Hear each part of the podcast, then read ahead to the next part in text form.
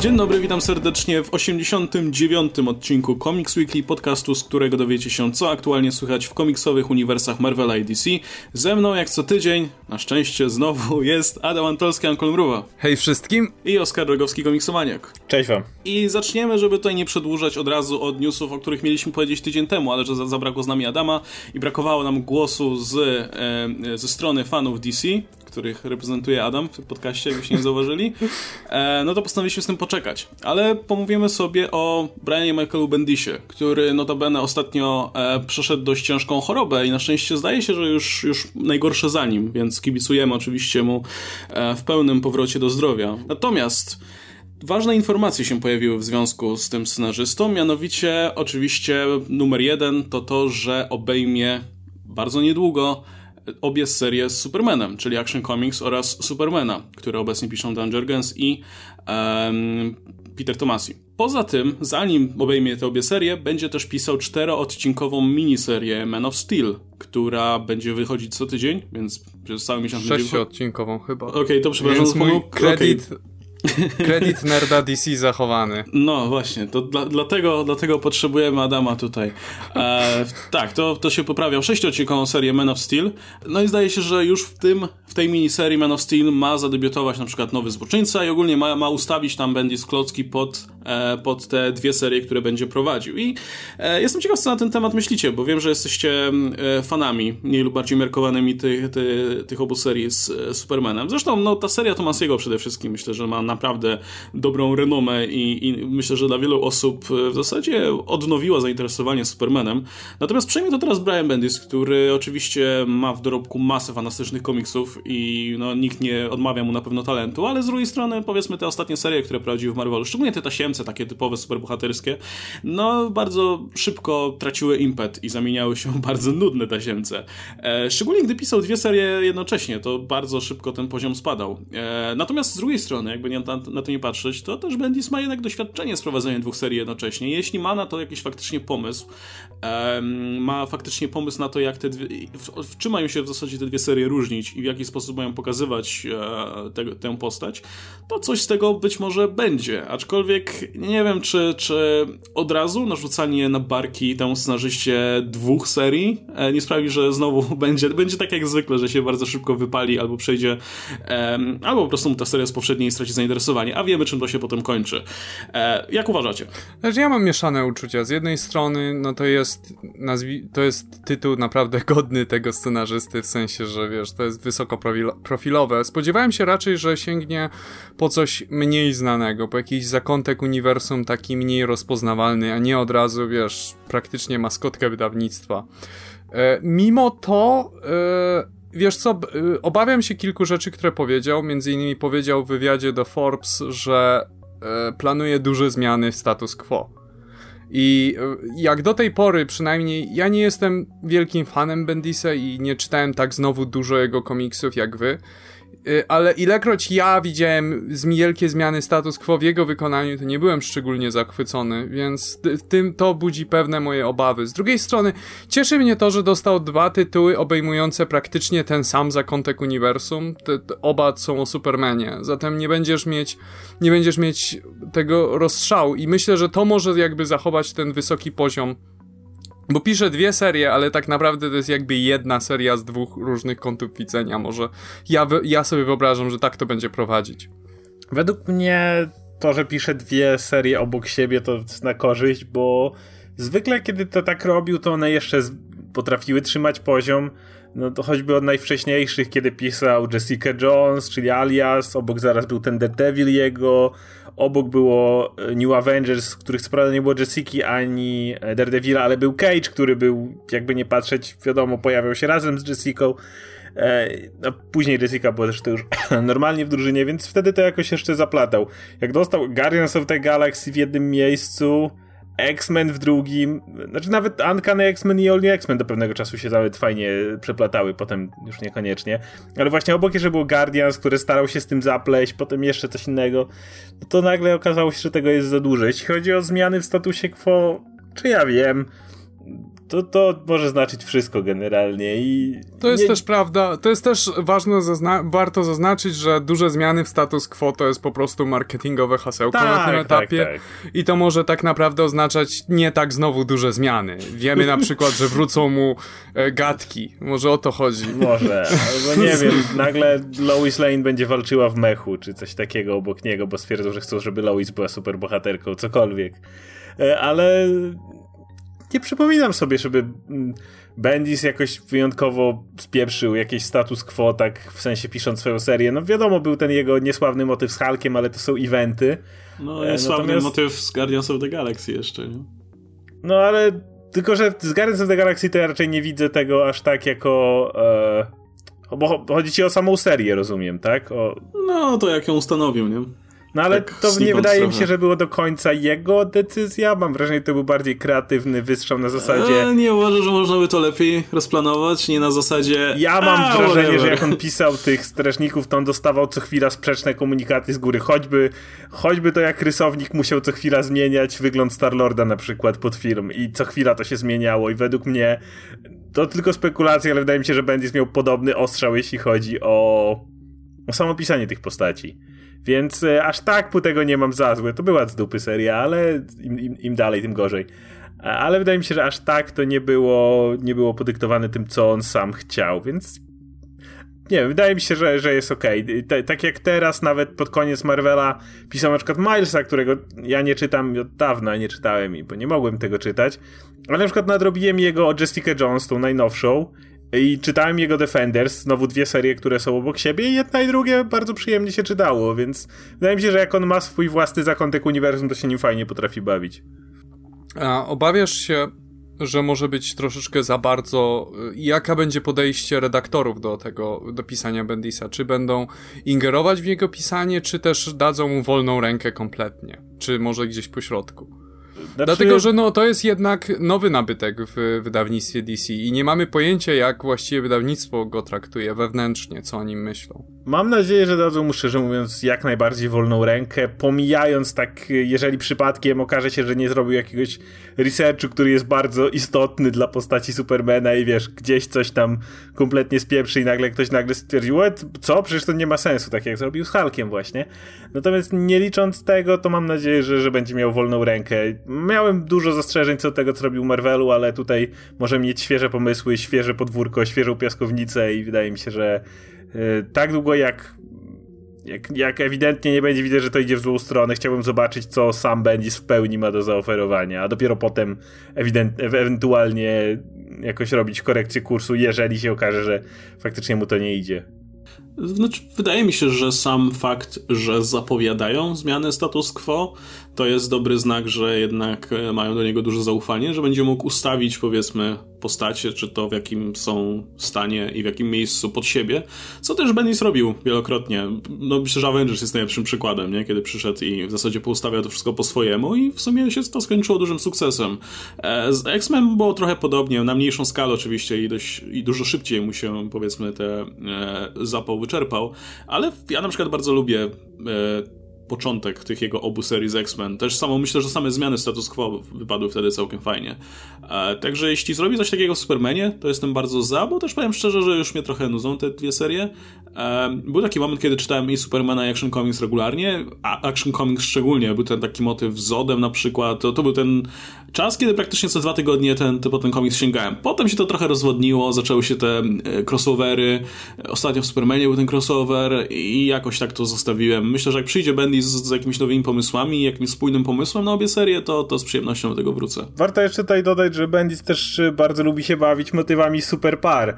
Na razie widzieliśmy jak Tomasi oczywiście fajnie motywy rodzinne takie pisze, wiadomo, King w swoich seriach, ale warto pamiętać o tym, że kiedy Bendis pisał Guardians of the Galaxy, czy Uncanny X-Men, czy Milesa, to nie miał okazji w pełni się pobawić tym tak jak trzeba. Natomiast ta, wszystkie jego historie związane z Jessica Jones i Luke'em Cage'em, bo to, on stworzył Jessica Jones i tak naprawdę odkurzył status Luke'a Cage'a w Avengers i tak dalej, to wszystko było świetne. I nawet ta najnowsza seria Jessica Jones, wszystkie elementy, które dotyczą e, małżeństwa, bo to jest bardzo też istotny, bardzo duży element Jessica Jones ostatniej tej serii, to Bendis się świetnie odnajduje. On według mnie właśnie wydaje mi się, że on nawet woli pisać dorosłe postacie.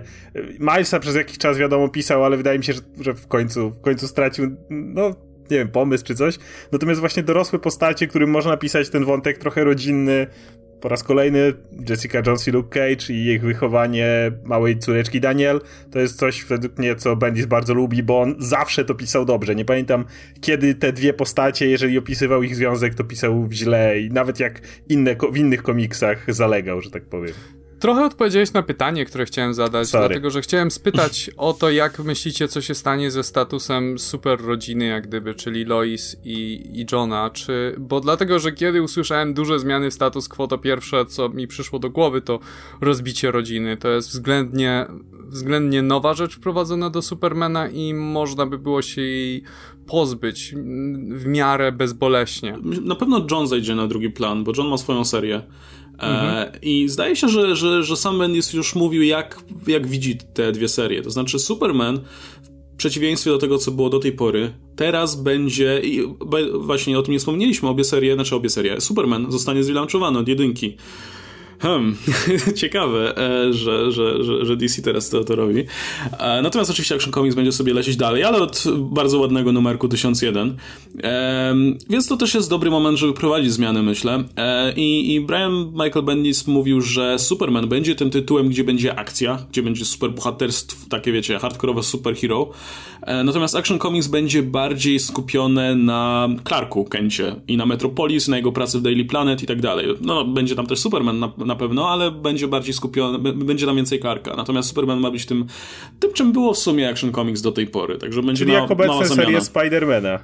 Spectacular i Amazing. Trochę tak. To... I wyobrażam sobie, że jeśli ma być gdzieś miejsce dla Lois, no to oczywiście w tej drugiej serii w Action Comics, gdzie będzie pewnie też w Daily Planet, nie? Więc, e, więc tutaj raczej bym widział takie bardziej codzienne życie, bardziej właśnie e, mniejsze powiedzmy problemy. Natomiast Superman będzie tym, tym flagowym tytułem superbohaterskim z klasycznym Supermanem, czerwonymi gadkami i tak dalej. Natomiast John będzie sobie pewnie się pojawia w obu seriach, szczególnie w tej e, w Action Comics, ale myślę, że większe, większej ilości będzie oczywiście w Super Sons.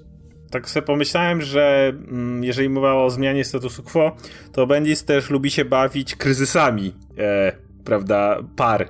Ostatnio nawet w tej Jessica Jones zaczyna się od tego, że Jessica z dobrych powodów musiała podjąć decyzję, przy której musiała okłamać Luka Cage'a i w dodatku jeszcze e, zabrać dziecko, żeby on nie wiedział nawet, gdzie ich dziecko jest. Ostatecznie powód, żeby to zrobić miała słuszny i było to zrozumiałe dla Cage'a, ale jednocześnie ciężko mu to było przetrawić, więc cała ta historia trochę była też o tym kryzysie pary, powiedzmy, i przejściu przez osobiste sprawy, dzięki której ostatecznie wiadomo, że e, małżeństwo się nie rozpieprzyło w żaden sposób, ale, ale był ten moment kryzysowy. I mo jeżeli mowa o zmianie status quo, to mógłby się nawet tym pobawić, e, bo na razie widzimy w od Rebirth słusznie, że Superman i Lois Lane to jest para idealna, prawda? Oni doskonale się rozumieją pod każdym względem i jasne wiem z czego to wynika, bo w New 52 wiadomo, nie było tego i chcieli trochę, prawda, klasycznych elementów, ale jednak jest to też ciekawe, kiedy masz parę, która ma też trudne chwile i dla, niekoniecznie się dogaduje i czasami ma, ma właśnie kryzys małżeństwa i jeżeli Bendis wokół tego to dobrze napisze, jednocześnie nie rozpieprzając tego oczywiście, ale, ale naciskając na, na te nuty, to według mnie mnie też może być coś tego ciekawego, a on już robił, robił takie akcje. Ja myślę o tym, że być może Bendis niekoniecznie by tego chciał, ale może być nakierowany na to, żeby uczynić Lois superbohaterką w dalszej perspektywie. Dlatego, że od, nie wiem czy czytacie w tej chwili tytuły z Supermanem, ale od dłuższego czasu DC stara się jak gdyby uczynić Lois użyteczną w tych komiksach. Tak. I albo, albo dostaje tymczasowo moce, albo zostaje no furią na apokalips, albo teraz jest w e, misji specjalnej, gdzie zachowuje się jak praktycznie James Bond i, i, i nokautuje no, walce ludzi. z Eradicatorem Walc... przecież jeździła Hellbatem. Tak. Więc cały czas starają się jakby dać jej jakąś małą rolę, żeby coś zrobiła użytecznego w kluczowym momencie. I wydaje mi się, że jest taki taka atmosfera w DC, że wszyscy chcieliby, żeby byłaby pełnoprawną superbohaterką, tylko po prostu jeszcze nie ma dobrego pomysłu na to, jak to zrobić. I jak zobaczycie na ten e, mo, e, montaż okładek, bo został opublikowany, razem z tym z newsem został opublikowany montaż okładek Man of Steel Bendisa, e, i no, ostatnia okładka przedstawia, wiesz, Lois Lane i Supermana w miłosnym pocałunku. I moim zdaniem, moim zdaniem Bendis może nie chce tego zachwiać w tym momencie, przynajmniej na tym etapie, tak szybko. Wydaje mi się, że Lois Lane, że kierunek może być taki, żeby uczynić Lois pełnoprawną bohaterką, jak gdyby na, na swoich własnych zasadach w pewnej, pewnej przyszłości. Po to, żeby występując już w Supermanie, mogła pełnoprawnie występować jako, wiesz, współboha współbohater po prostu. Z jako... tym też gość ma doświadczenie, więc zrobienie w ten sposób, to ja, ja absolutnie widzę, że Bendis to mógłby zrobić i dałby radę, bo ma, ma dużo doświadczenia akurat w pisaniu właśnie super par i kobiet, które, nie wiem, to też mo można byłoby zrobić z tego coś, coś właśnie cięższego, jeżeli by mu pozwolili oczywiście, mm, czyli na przykład motyw, że y, to, to, że Lois na przykład dostałaby moce, bardzo by się na niej odbiło ciężko i, przez, i na przykład sposób, w jaki, pokazać w jaki sposób Clark pomaga jej, nie wiem, na nowo się odkryć, nie, na nowo się zdefiniować. Myślę, że Bendis potrafi takie rzeczy pisać i mógłby dać radę. Tak, Je... jeszcze zaznaczę dla naszych słuchaczy, że teraz wyciągamy rzeczy kompletnie, kompletnie. z naszego wyssanego palca. Nie mamy żadnych informacji w tym momencie. Kompletnie. To zgadujemy, co, co Bendis może zrobić, co oczywiście może być bardzo mylne, może pójść jeszcze w kolejnym, zupełnie nieznanym kierunku, którego po prostu nie byliśmy w stanie przewidzieć. Ja mam jeszcze dwa pytania właśnie, tak, które chcę rzucić luźno. E, po pierwsze, jestem bardzo ciekaw, jak podejdzie do pisania dialogów i z, z jaką filozofią, powiedzmy, bo to znaczy, czy, jednej, czy będzie starał się pisać te dialogi w taki właśnie wzniosły i lekko kiczowaty sposób, jak to się może kojarzyć z Supermanem? E, czyli, że to wszystko będzie takie bardzo grzeczne i dobrotliwe i tak dalej, jak to było do tej pory bardzo często. E, czy raczej wprowadzi ten swój styl słynny pisania dialogów, gdzie jednak jest dużo mowy potocznej, gdzie jest dużo takich niegramatycznych wypowiedzi, żeby to jak najbardziej imitowało właśnie potoczną, normalną, mówioną mowę, a nie język literacki. A druga rzecz, to ciekaw jestem, co z Lutorem zrobi w takim razie, bo e, nie, nie orientuję się, jak to teraz wygląda, ale ciekaw jestem, no wiadomo, że przyjdzie i będzie miał na pewno możliwość zrobienia z tą postacią, co mu tam się podoba, ale też jestem ciekawy, z którą stronę z nim pójdzie, bo znaczy... e, jak, się, jak w tym krajobrazie ta postać się odnajdzie. Ja się nie zdziwię, jeżeli okazało się, że w Marvelu, wiesz, zaczęli Duma skręcać w złą stronę i było w zasadzie, hej Bendis, to chodź do nas, my ci Lutora damy pisać tak, jak tego Duma pisałeś, to u nas możesz go pisać tak dalej, nie? To, jest, to przecież to są tak bliźniacze sytuacje. Masz no dwa, tak, tak, dwie tak. postacie, które są przez lata, dekady Nemezis istotnymi Klasyczni najbardziej, no. a potem zakładają zbroje i stają się superbohaterami odwzorowującymi no, innego bohatera. No bo przecież Lex ma wielkie S na klacie, a ten stał się Iron Manem, nie? Już nie ma S, no, no, się, No nie ma, bo zdarł, bo się zdenerwował, ale będzie miał z powrotem S. Widzie, nie, tak, nie wiem, czy tak, widziałeś tak. to. Więc Zresztą, no wiesz, ten jego... na zgodę najwidoczniej, bo Zresztą... będzie miał znowu S. Zresztą wiesz, ten jego strój e, Supermana to był tak naprawdę taka pomniejszona wersja jego zbroi Lutora wcześniejszej, taki, no, taki Luthor no, tak Space Marine, Doom, kojarzysz go, nie? Tak jak Doom miał zawsze zbroję i po prostu zmodyfikował, żeby była bardziej Ironmanowata. No, to, jest, to jest tak podobne i ponieważ y, Bendis, y, co by nie mówić, świetnie odtworzył tego Duma. Seria Infamous Iron Man, mimo że ma dłużyzny, bo ma, to i tak ja czytałem już z przyjemnością po prostu. Co, co? Znaczy wiecie co? No miał, miała, tego... no umówmy się, że teraz jeszcze, że Infamous Iron Man tak naprawdę trwa dalej, tylko trzeba, trzeba go znaleźć, że tak powiem, ale... nie mówcie tego, nie mówcie tego fanom DC, ale ja osobiście uważam, że Doom jest lepszą postacią niż Luthor, jest lepszą, lepiej skonstruowaną od samego początku, z prostego względu, że Doom był pomyślany od samego początku i pewne jakby motywy, które kierują nim, czy pewne takie wątki w jego biografii są kompletnie intencjonalne i funkcjonują tam od samego startu. Natomiast jeżeli chodzi o Luthora, to Luthor przez lata był po prostu szalonym naukowcem, a potem był szalonym e, właścicielem złego korpo, e, takim przedsiębiorcą szalonym, a potem to złączyli razem i Luthor jest w rezultacie dużo mniej bogatszą postacią niż Doom kiedykolwiek był. Więc, ale z drugiej strony to też oznacza, że możesz robić z nim bardziej eksperymentalne rzeczy i nikt się nie obrazi na to, dlatego że Luthor jest w dużej mierze, wiesz, taka tabula rasa. Może, no, jak nałożysz coś na niego kręcący wąsem, którego nie ma, ale wiadomo o co chodzi, złoczyńca przez długi czas. No tak, zgadza się. No, w, w pierwszych latach był przede wszystkim szalonym naukowcem, no. a potem, potem jak robili reboot po kryzysie, to zrobili z niego szalonego przedsiębiorcę i po praktycznie powstał taki, taka dziwna, dziwna mieszanina Lutora wcześniejszego i nie wiem, Kingpina czy coś. Więc ja I... absolutnie liczę na to, że motywy, które pisał w, Duma, w Dumie, przeniesie jeszcze na Luthora i bardzo bym chciał... Problem z Luthorem jest też taki w DC, że ponieważ był restart i był New, New 52, oczywiście zobaczymy jak y, Doomsday Clock i inne tam sprawy się tym do tego podejdą, że status quo jednak Luthora się zmienił i tak jak Luthor o którego pamięta nasz Superman, pamiętał, to jest zbyt zagmatany, zagmatwany teraz. Przez długi czas to był ten zły, ale jak weźmiemy pod uwagę, że New 52 to jest właściwe continuity, które jest wspólne, nieważne, no to jednak ten Luthor, który stał się Supermanem, nigdy nie był tak zły. No I, nie, nigdy nie był I tak nie ma tego jak... redemption trochę i właśnie z Dumem było to o tyle ciekawsze, że u Duma cały ten bagaż został i jakby powód, dla którego on się, on cały czas, wszyscy dalej chcą go dorwać i on mówi, że po prostu yy, on, on, powiedział wprost, jeżeli uznałbym, że yy, bardziej przyczyniłbym się, yy, pomógłbym światu siedząc w areszcie, tam w SHIELD w więzieniu, to bym się sam zamknął, ale mogę zrobić więcej i robi inne rzeczy.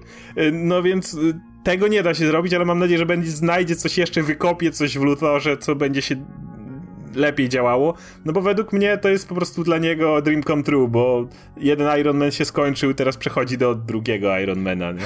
Więc, to znaczy, więc... Je, jeśli chodzi o Duma, to najciekawszy wątek w postaci, przepraszam, jeśli chodzi o e, Lutora, to najciekawszy wątek posta tej postaci to jest e, ta intelektualna część jego osobowości i taka bardziej filozoficzna, gdzie rozważa na temat tego, że Superman i do, wiesz, do pewnego stopnia ciężko odmówić mu racji, gdzie rozważa o tym, że Superman ludzkości szkodzi, dlatego że ludzkość za bardzo na nim polega. I to trochę i, I to jest troszeczkę ciekawy kąt, od którego na pewno Bendis mógłby zacząć i do tego poprowadzić Lutora jak gdyby w zupełnie nowe miejsca. Bo myślę, że nigdy tak naprawdę w komiksach nikt nie wyszedł poza, te, po, poza to, ten krótki wniosek, że Superman jest szkodliwy, dlatego że ludzie go nadużywają jego pomocy i nigdy nie wiesz, czy się nie odwróci przeciwko ludzkości. A tak naprawdę są pewne, są pewne takie drogi e, intelektualne, gdzie, e, gdzie możesz z tym iść. Co zatem, co zatem, co zatem mógłby, Luthor mógłby szukać na przykład sposobu, żeby doprowadzić ludzkość na poziomie Supermana? Żeby tak, żeby ludzkość go nie potrzebowała i to też byłoby rozwiązanie problemu. Jak gdyby jest wiele e, wiele dróg, którymi może, którymi może pójść jak gdyby z tą postacią i to by było naprawdę ciekawe, jak gdyby wgłębił się w historię Lutora i w historię tego, jaka była jego relacja z całym światem i z Supermanem. Ale nie tylko na tym osobistym poziomie, że o, wiesz, Luthor zazdrości Supermanowi, że Superman ma włosy tylko na takim bardziej intelektualnym, filozoficznym poziomie. Natomiast jeśli chodzi o dialogi, to mam nadzieję osobistą, że to będzie zależnie od sytuacji. Przykład z przyjemnością poczytałbym dialogi, e, wymianę zdań pomiędzy Supermanem a Lois, tak jak pisał właśnie Cage'a i Jessica, bo to było tak cholernie naturalne. Ja oczywiście bardzo lubię styl Tomasiego i i uważam, że Tomasy jest świetnym scenarzystą, ale jednak jeżeli miałem powiedzieć, kto pisze te małżeńskie dialogi lepiej, to bym powiedział, że robi to Bendis. I ta, ta, ta mowa potoczna, takie gadanie o pierdołach jest tak bardzo pasujące do, jak sobie wyobrażasz, lub nie, lub no jak, jak wyglądała relacja w ogóle jakichkolwiek ludzi i to według mnie byłoby super. Natomiast jeśli mowa o Superman ratujący kota z drzewa, oczywiście wiadomo, to, to chciałbym, żeby jednak tu będzie troszeczkę ten, ten twój styl przytemperował i, i, to, i to inaczej przeniósł. Ja chciałbym tego właśnie trochę przerysowanego, banalnego harcerzyka Supermana, ale jako Clark to absolutnie jego styl według mnie z, z przyjemnością bym wziął i uważam, żeby pasował. Wiesz co, teraz mi przyszło to na myśl, jak omówiłeś o tym. E, Bendis też mógłby się tym pobawić. jak gdyby tymi dwoma stylami wypowiedzi. Na przykład mógłbyś pokazać sytuację, w której Superman uczy się jak gdyby tak mówić, albo trenuje w ten sposób mówienie. Bo dlatego, że to jest taka ikoniczna rzecz dla Supermana, te wszystkie takie, wiesz, patetyczne dialogi, że ciężko by było, żeby to zignorował kompletnie, żeby w żaden sposób się do tego nie odniósł. Mógłby Więc nawet myślę, że dowcipy z tego, że gada przez tam, tak. ma gdzieś słuchawkę w uchu i gada z Lois i wiesz, i z nią gada w jeden sposób, jak Lois mówi, ej, tak, tak nikt nie mówi, a on, ej, ja tak mówię. Wiesz, w ten sposób, że akurat na akcji mówi inaczej, a, a z nią w, ten, w tym czasie inaczej dialog prowadzi. Albo ma, wiesz, jakiś telekomunikator e, Justice League gdzieś w pokoju i z nimi rozmawia tak super wzniośle i tak dalej i tak i wiesz, i Lois siedzi obok i tak, co ty pieprzysz to No, także to, to mogło być ciekawe, jeżeli Bendis dałby radę się pobawić tym, bo on, jed, jego styl do części, do pewnej części życia Supermana świetnie pasuje, ale w drugiej chciałbym jednak, żeby, żeby trochę inaczej to pisał. No, ja ogólnie uważam, że przyda się odmiana w każdym razie. Eee, i, ale gdy, gdybyście mieli wybór, zostawili, zostawilibyście obecnych scenarzystów, czy wolelibyście, żeby ktoś nowy, na przykład Brian Michael Bendis to przejął? Jak wam się ogólnie. Jak, takie, może nie mówmy o samych seriach, bo o nich i tak często mówimy, ale jakie wasze wrażenia są na, na teraz? To znaczy, wiesz co, to jest trochę dziwne pytanie, dlatego że no regularnie mamy zmiany scenarzystów w jasne, komiksach. Jasne, ale w tym momencie, coś, czego jako czytelnik tej serii... Chciałbym jakiejś zmiany scenarzysty i to dlatego, że faktycznie się te tytuły z Supermanem troszeczkę już stały ospałe i trochę takie, no, nudne. Więc na tym etapie myślę, że to jest dobry moment. E, Tom Tomasi wykonał fantastyczną robotę z rodziną Supermana, z budowaniem tego całego świata i tak dalej i po prostu czas na zmianę sterów. Ale to jest coś, z czym każdy jak gdyby fan komiksów się boryka i czego trzeba oczekiwać, jak w momencie... Bendis też zostanie zmieniony i pójdzie robić jakieś inne tytuły w pewnym momencie. Też nie zostanie przy Supermanie na zawsze, więc nawet jeżeli zmiany, które wprowadzi Bendis nie zostaną przyjęte dobrze, albo nie będą specjalnie dobre, no to po prostu za jakiś czas przyjdzie nowy scenarzysta i wróci wszystko po staremu. Jeżeli dało się wrócić coś tak fatalnego jak New 52 do statusu, który jest bardzo podobny do tego, co było wcześniej, to moim zdaniem wszystko już wszystkie zmiany, wszystkie, wszystkie krzywdy można naprawić w komiksach. Jeden z powodów, dla których postać Daredevila, którą zresztą też Bendy spisał, praktycznie zawsze ma ciekawe serie i na, mają serię od Y, dobrych do świetnych. Praktycznie nie ma ani jednej naprawdę złej, stałej serii ongoingu, który wychodził Daredevila. Wynikał właśnie z tego, że bardzo często zmieniano scenarzystów. Znaczy bardzo często, to nie, tak, to nie Captain Marvel co 6 zeszytów, nie? Ale y, potrafili te 30, nawet 60 zeszytów y, dłuższego ranu. Ale potem była zmiana i następny scenarzysta budował na tym, co robił ten poprzedni, ale bardzo, bardzo zmieniał status quo, też bardzo dużo dodawał. I dzięki temu wszystkie te historie wydawały się świeże. Y, ktoś brał Marka Wade'a, super się czytało, teraz Soul super się czyta i yy, każda postać tego potrzebuje, do czego zmierzam, że wydaje mi się, że każda postać potrzebuje tego, nawet jeżeli ktoś wykona fenomenalną robotę, taką jak zrobił Tomasi, ustanowi masę ciekawych rzeczy, to wydaje mi się, że pe w pewnym etapie yy, pomysły, jak dalej iść z tą postacią, mogą się skończyć. E, stąd na przykład wiele osób cieszy się, że Dan Slott odchodzi od Amazing Spidermana, mimo tego, że po drodze od czasu do czasu zdarzały mu się pomysły, to jednak w pewnie większość serii była bardzo mocno na jedno kopyto i z Supermanem też mi się wydaje, że do tego dochodzimy do momentu, w którym Tomasi wniósł wszystko, co, co miał do powiedzenia, miał powiedzmy duży pomysł pewnie zanim tą serię dostał, albo jak ją dostał, to jeszcze miał sporo się do przygotowania, a teraz tak raczej trochę mam wrażenie, pisał na kolanie i tak dopisywał to, co tam już swoje napisał, a teraz jeszcze musi pisać dalej, to pisze i nie, że to było, żeby to była zła seria, ale jednocześnie brakuje tego pieprznięcia, które nagle coś, coś by zamieszało. No jednak to jest nasza ulubiona telenowela, komiksy i w, w novelach chcemy, żeby ciągle coś się w pewien sposób zmieniało, zmieniało wiadomo. Tak. Ile można powiedzieć, że komiksy się ciągle zmieniają, skoro do tej pory to są ci sami bohaterowie, ale jednak w stosunku do poprzedniego ranu, żeby jednak coś, coś drgnęło, coś, coś poszło w inną stronę. Właśnie zmiana statusu quo na przykład. E, I e, dlatego wolę nowego scenarzystę teraz. Co jest e, unikalne dla postaci komiksowych, dla superbohaterów dla mnie, to jest to, że każdy scenarzysta nowy w jakiś sposób zostawia swoje małe piętno na tej postaci, które jest przenoszone dalej I, on, I ta postać powoli ewoluuje przez lata. Jak gdyby, jeżeli popatrzymy na Supermana, wiesz, komiks z tego roku i sięgniemy, nie wiem, 30 lat wcześniej, to się zorientujemy, że to jednak jest zupełnie inna postać. Ale ona nie zmieniła się nagle w postaci jakiegoś reboot, no chociaż Superman się zmieniał.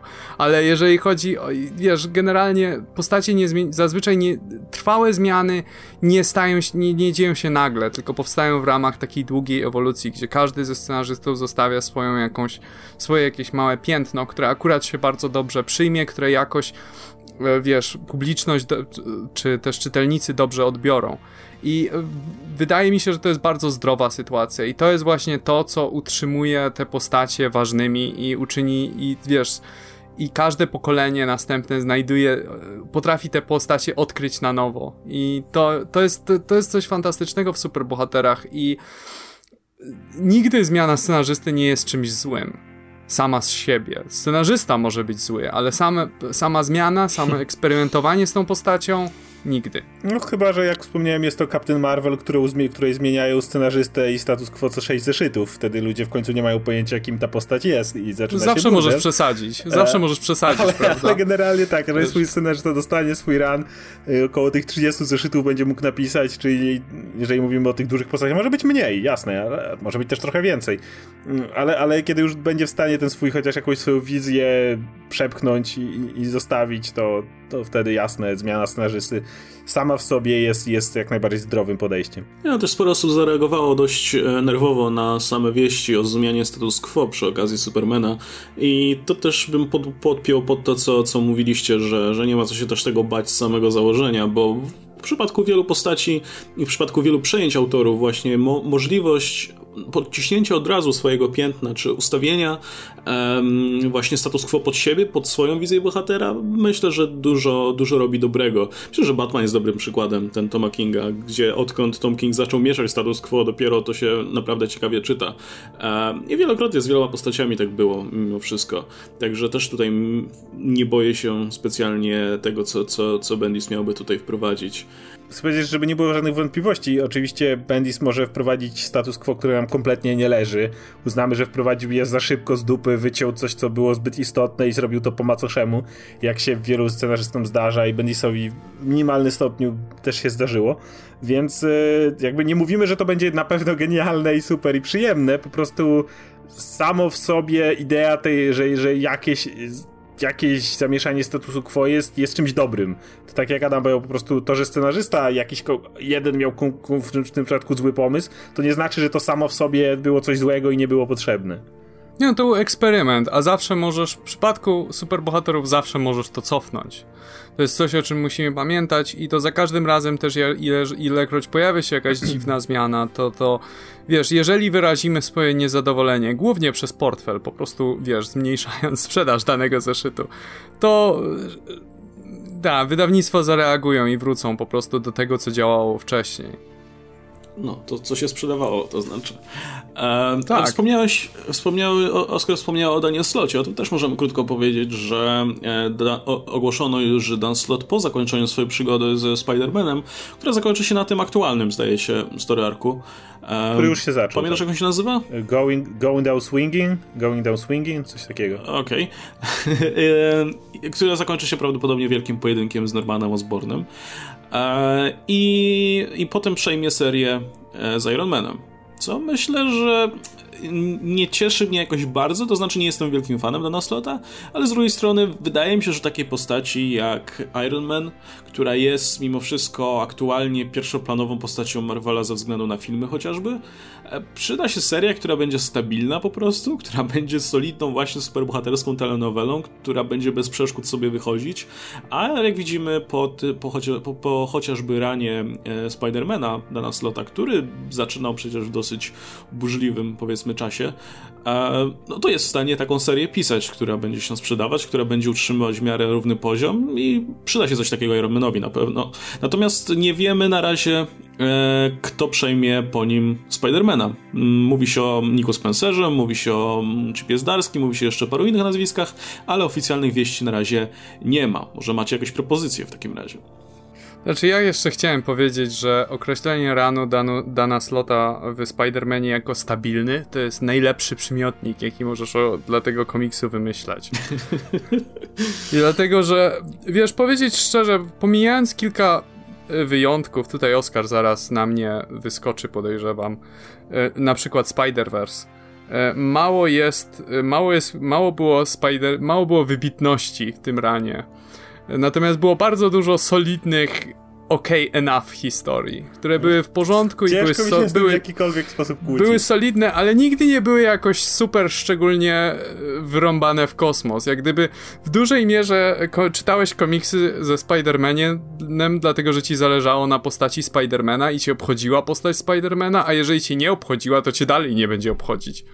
Jak gdyby jest kilka wyjątków, w tym, w, w tym między innymi Spider-Verse. Spider-Verse mogę polecić komukolwiek. Natomiast większość komiksów, które pisał Slot ze Spider-Manem to były bardzo, no, stabilne. W sensie były wystarczająco dobre, że utrzymywały dotychczasowych czytelników, natomiast ciężko mi sobie wyobrazić, żeby ktoś z tego, wiesz, stawał się nowym, nowym fanem, e, czytając tylko i wyłącznie komiksy z ery Dana Slota. Slot pisał Spidermana przez jakieś 10 lat i jestem w stanie wymienić może trzy takie naprawdę dobre momenty, które coś, coś ciekawego mówiły o postaci i wnosiły. E, pierwszy, co prawda, to nie jest wybitny, ale przyjemny event y, Spider Island, naprawdę lubię. To, to nie jest jakoś może mega wybitny, ale, ale naprawdę. Miał swoje momenty. Ma swoje fajne momenty. Potem jest Superior Spider-Man, co by nie mówić, to jest bardzo mocny ruch i bardzo odważny i ciężko to nazwać po prostu stabilnym. I bo... ile lat, ale ile lat to było po Spider Island? Nie, nie, nie, ja, ja nie twierdzę, to, to absolutnie zgadzam się z tym, że, że mówię, przez 10 lat miał może 3 czy 4 mocne ruchy, e, ale no były, no mówię, Spider, e, Superior Spider-Man to chyba był moment, kiedy nawet Łukasz, który ma w dupie Spider-Mana się nim zainteresował. Więc e, więc to, no to na pewno nie było stabilne. To, to, to był odważny ruch i według mnie bardzo się opłacił. Spider-Verse, który jest cudownie popieprzony komiksowo i, i parę interesujących rzeczy było w Clone Conspiracy ostatnio. I tyle. Ale nie powiedział, że Clone Conspiracy to jest, wiesz, jakiś wybitny nie, komiks. Nie, nie, ale, ale miał jednak parę rzeczy ciekawych nowych do powiedzenia o Spider-Manie. O takich, wiesz, kilku rzeczy, których nawet jeszcze nie powiedziałem, żeby były nowe do końca, raczej odświeżenie starego w dużej mierze. Ale no cały czas, nawet jeżeli by wziąć Conspiracy pod uwagę, to cały czas mówimy tu o czterech wydarzeniach na 10 lat pisania. No, no szału nie robi, ale to, to jest kolejny dowód na to, że nie po, według mnie żaden scenarzysta nie powinien aż tak długo pozostawać przy jednej serii. To, to nie, nie, nie przypominam sobie jednej serii, w której scenarzysta by tyle lat to pisał i ona, i to wyszłoby na zdrowie. Chris Claremont. Inne czasy trochę, wiesz, i inne standardy. I trochę. No to Todd McFarlane. Ciężko by było dzisiaj, gdyby to ocenić według Ale mnie. wiesz co, Claremont moim zdaniem jest świetnym przykładem. Jak gdyby, jeżeli weźmiesz poprawkę na to, że to są trochę starsze komiksy, więc się posługują trochę inną poetyką, w cudzysłowie, trochę innym językiem no to wiesz, do dzisiaj są to całkiem niezłe czytadła i co chwilę Claremont wprowadzał coś nowego, co chwilę mieszał i tak dalej, co chwilę sam siebie na nowo, odkry- sam na nowo odkrywał swój nowy komiks. No okej, okay, niech będzie, więc Claremont tutaj jest... to, że to są inne czasy jest dużą... Może nie powiedziałem, że inne czasy, co podejście scenarzy było, to w ogóle do komiksu było trochę inne w tym sensie i... Tylko, że Claremont jest trochę wyjątkiem w tym wypadku. Jak gdyby e, Claremont pełna zgoda, ale ilu jeszcze byś takich scenarzystów wymienił, którzy, wiesz, tyle lat spędzili przy jednym komiksie? No, więc... Okej, okay, Grant Morrison przy Batmanie. 10 lat prawie. Ale tam nie, się no, działy bardzo ale, ta, ale tam, ale, ale, też, tak ale też pisał 10 różnych Ale też każdy tomik był praktycznie zupełnie inny nastrój, miał zupełnie inny klimat i tak dalej, więc myślę, że kluczem jest tutaj różnorodność i Dan Slott nie był różnorodny. No, w żadnym Ani wypadku trochę. nie był. No, w, ale w każdym razie, skoro przeskoczmy jeszcze no, w takim razie na chwilę do tego, kto mógłby to pisać. Nie chciałbym, żeby pisał to Chips Darski. Czemu wydaje, nie? wydaje mi się, że w momencie, w którym e, on pisze Spectacular Spidermana, to wolałbym, żeby te serie miały kompletnie inny styl. Jebać I... Spectacular, niech pisze główną serię, Spectacular zakopać. Eee... Jak gdyby Spectacular powinno być główną serią. dostanie ktoś inny, wiesz, um, wiesz, aspirujący ktoś, kto dopiero będzie się do wyższego Chodzi statusu mi o to, dokopywał. że nie widziałem u Chipa Zdarskiego niestety jakoś faktycznie takiej mega różnorodności, e, jeśli chodzi o jego styl. Więc y, jeżeli on miałby dostać Amazinga, a kto inny Spectacular, ok, bo mam wszystko gdzieś jak się ta seria nazywa. Chodzi mi o to, żeby były różne. I w tym momencie, jeżeli, jeżeli tak, to tak. Na przykład, jeżeli y, Chip ma napisać dalej Spectacular, to bym chciał, żeby jednak ktoś inny pisał Amazinga. Nick Spencer mm, nie jestem pewien na tym etapie, szczerze mówiąc przez... A czy Nick Spencer by chciał? Bo ja jak gdyby nigdy nie spotkałem się jak gdyby z jego strony z chęcią pisania Ej, każdy scenarzysta praktycznie chciałby pisać Spidermana, jeżeli chce pisać No ze względu na, ze względu na, wiesz, wysoki e, no, profil no, tego tytułu, To jest najlepiej sprzedająca się stale seria. Jasne, przebijają jest... inne, ale stale... Ale czy kreatywnie by chciał? Czy jak gdyby ma jakiś pomysł na Spidermana, czy nie coś w tym tego. stylu? Bo... Nikt no właśnie nie, nie, wiem, ale znam troszeczkę, z... chociaż nie wiem, no może. Przepraszam, najmocniej walnąłem mikrofon z wrażenia. Praktycznie nikomu innemu... Myślę nad tym Nickiem Spencerze, bo on też, bo on też, bo on ma dobre jak gdyby w pisaniu humorystycznych e, relacji między ma drobnymi złoczyńcami, coś co, o czym sami wspominaliście kilka razy. I co też było najjaśniejszą stroną e, no, tego jego nieszczęsnego eventu ja sobie... w zeszłym roku. Znaczy wiesz, ja sobie wyobrażam, że on mógłby na przykład pisać Spidermana, który na przykład e, współpracowałby ze zrehabilitowanymi przestępcami, tymi drobnymi, takimi jak, wiesz, Shocker czy ktoś inny w tym stylu. Myślę, że to by wypadało całkiem ale fajnie. Wiesz, to właśnie takie, takie małe... by bardziej pasowało Ale mógłby mieć takie, ta, takie małe posy, jak miał, jak miał, e, jak miał Falcon będąc Kapitanem Ameryką, wiesz, miał tego Dimena i Falcona i tak dalej. Taki, wiesz, taką grupkę powiedzmy, e, wyobrażam sobie coś takiego w jego wykonaniu. Czyli jeżeli powiem tak, jeżeli Spencer by dostał tą serię, to by nie uznał, że to, że to źle, no chętnie bym zobaczył. Ale to nie jest tak, że jak sobie czasem wyobrażam, że ktoś jest idealny do pisania danej postaci, to raczej nie, ale tak na dobrą sprawę, że miałem zastanowić się, kto byłby teraz najlepszy do pisania Spidermana, to miałbym duży problem, bo jest teraz moi ulubieni scenarzyści Marvelu, to są ci, którym, którym Marvel nigdy by Spidermana nie dał, bo piszą mniejsze serie, bo są stosunkowo nowi na rynku, że tak powiem i uważam, że oni teraz najlepszą robotę Marvelu robią, więc a oni w życiu by nie dostali. Tak samo jak Iron Man idzie do nas, no tak samo Amazing Spider-Man w życiu nie trafi do kogoś, kto dopiero pisze jakąś tam jedną pomniejszą serię, a z tych dużych nazwisk to nie mam jakiegoś faworyta do tej serii. Mm, patrzę plotki właśnie, ale cały czas głównie się nazwisko Spencera pojawia. Więc zobaczymy, no. Dziwne, że wiecie, że nie ma żadnych innych propozycji jeszcze. Na przykład Daniel Way. Po Christos Gage się jeszcze pojawia. Może sam mm. Humphries odejdzie z DC. Skończy się. Nie no, spokojnie, spokojnie, ma ekskluzywny kontrakt. Jesteś bezpieczny.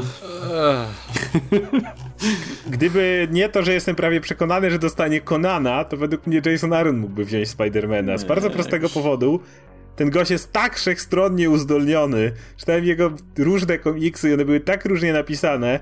I przede wszystkim to jest gość, który po prostu stałby się w tym momencie, już mu niewiele brakuje, ale stałby się absolutnie legendą komiksową, jeżeli teraz by jeszcze jakoś fajnie Spidermana ustanowił po tym, co zrobił z Torem. Ej. Jason Aaron mógłby pisać cokolwiek. No to swoją drogą, ale chodzi mi o to, że po tym, co on zrobił z Torem, konsekwentnie od Marvel Now, to jest gość, który prawie już jest tym wyjątkiem, o którym mówimy z e, przy Clermoncie. Nie, żeby tak długo pisał, ale jednak to krótko tego Tora nie pisze. E, to gdyby po tym, co jak zredefiniował Thora na dobrą sprawę i jeszcze prawdopodobnie pod koniec tej serii jeszcze raz go zredefiniuje, to gdyby koleś teraz wziął Spidermana i go zredefiniował, a Spider-Man, co by nie mówić, trochę tego potrzebuje, to no już w tym momencie Jason Aaron byłby legendą po prostu. O, wiem, perfect, perfect y, scenarzysta to był Tom Taylor, ale wiem, że on teraz pisze X-Men Red, pisze dalej Laurę i niech pisze, bo to są no, świetne serie. Pisze, co, co? Mówię, że Injustice dalej. Injustice, tak, więc on, on ma kupę roboty, ale jakbym miał perfect, perfect cast, że tak powiem, perfect scenarzystę, to, to chyba Tom Taylor bym powiedział, z tych, tych dużych nazwisk. Ej, może wiesz, może Marvel szukuje jakiś transfer na przykład duży, kto wie bo mm, no jednak to jest ten tytuł, który będzie potrzebował w miarę dużego nazwiska, bo no to, to jest ta seria, która się zawsze sprzedaje. Słabo by było to popsuć mimo wszystko. Byłby problem wtedy, więc, e, więc zobaczymy. Natomiast. E, Ale wiesz co, to jest też seria, która się sprzedaje niezależnie od nazwiska, więc myślę, że jeżeli by znaleźli kogoś, kto ma ciekawy pomysł na Spidermana, mogliby tutaj zaryzykować. Ostatnia rzecz związana z personaliami, o której musimy powiedzieć, bo jest dość istotna. Wrócimy sobie na moment do DC w takim razie, bo e, co mnie osobiście bardzo cieszy, może powiem od razu. E, po Dark Knight Metal, które kończy się w sumie już całkiem niedługo, pojawi się, no i właśnie st stąd się wzięła moja pomyłka, bo, bo ta seria będzie, ta miniseria będzie czteroodcinkowa, nie Man of Steel. Pojawi się seria Justice League No Justice, pisana przez e, osoby zaangażowane innymi w metal i w tajny do metal, czyli przez Scotta Snydera, Joshua Williamsona i Jamesa Tiniona, a potem E, znaczy, to, to jeszcze za, może zanim przejdę do tej, tego najważniejszego ogłoszenia. I ta miniseria się skupi na ataku kosmitów na Ziemię, w związku z czym bohaterowie i złoczyńcy na Ziemi będą musieli się dobrać w grupki i wspólnie w jakiś sposób rozwiązać ten problem. E, swoją drogą już zaprezentowano nam składy, między innymi, które są dość ciekawe. E, może nie będę ich wszystkich tutaj wymieniał, bo, bo szkoda czasu, ale, ale wyglądają dość interesująco. Może wrzucę je w opisie po prostu, jeśli ktoś jest ciekaw. Natomiast właśnie po tym, z tej serii wyjdzie nowy, no, nowy tytuł z Justice League, pisany przez Scotta Snydera, co moim zdaniem jest absolutnie perfekcyjnym wyborem, bo moim zdaniem się nie nadaje lepiej do pisania takiego tytułu jak Justice League, e, jak właśnie Scott Snyder, co myślę, że po części udowadnia w metalu teraz, gdzie myślę, że akurat Justice League pisze naprawdę dobrze e, i, i widać, że lubi te postacie. Natomiast, e, po, natomiast właśnie scenarzysta, który uwielbia pisać ogromne, absurdalne, wielkie rzeczy, które się dzieją, taki trochę Rick Remender w DC, Um, tylko że z nieco chyba większym poczuciem humoru i samoświadomości. Um, znaczy, samo, piszę bardziej samoświadome komiksy, bo to zabrzmiało trochę dziwnie. Ale postać, o, znaczy scenarzysta, który ma takie upodobanie, myślę, że jest idealny do pisania właśnie Justice League, która będzie, no będzie dokładnie tym tytułem, którym myśli, takim flagowym tytułem, którym powinna być. No ja jestem zachwycony tym newsem, jak gdyby to jest idealny wybór. O ile przy Bendisie możemy się zastanawiać, czy się nadaje, czy nie, bo tak naprawdę na dobrą sprawę nie wiemy, jak Bendis będzie pisać komiksy DC. O tyle Snyder, jakby ciężko mi sobie wyobrazić lepszą i cieszę lepszą, lepszego scenarzystę na tym miejscu i cieszę się wreszcie na fakt, że Justice League stanie się znowu flagowym tytułem, a nie tym tytułem, do którego zaglądasz i natychmiast żałujesz. I e, tak, jak gdyby od czasu jeszcze Batman Endgame cały czas yy, Snyder jak gdyby wplat, wplątywał całą Justice League w, swoj, w swoje jak gdyby historię i e, on doskonale jak gdyby wydaje się rozumieć te postacie i relacje między nimi i dopisywa i pisać jak gdyby reagu jak reagują na siebie, więc ja, ja się bardzo z tego cieszę. Wreszcie będę czytał Justice League, bo e, jak, pisał, jak pisał to Hitch, to oczywiście przeczytałem pierwszy numer i na tym skończyłem. Teraz zmienił się scenarzysta. E, pisał to Joshua Williamson w trakcie metalu, znaczy pisze dalej w trakcie metalu Williamson i Priest będzie to pisał I, do czasu. I przeczytałem jego pierwsze dwa numery. E, są lepsze niż Hitcha, ale to, czy, to, czy, to, czy to coś znaczy tak naprawdę, to dalej nie, nie jest dobra seria. I przeczytałem te dwa numery i tak, no, spoko. Natomiast wiem, że jak Scott Snyder się to zabierze, to przeczytałem jego cały run Batmana, metal mi się podoba, a i ten styl do Justice League absolutnie pasuje, więc no wreszcie będę czytał Justice League, które, tak jak Adam mówi, to powinien być flagowy tytuł DC, a to jest wszystko, co jest Justice League, bo Justice League America podobnie, to jest tam, no, no jest, bo, bo musi być, no. Głupie jakby nie było, nie?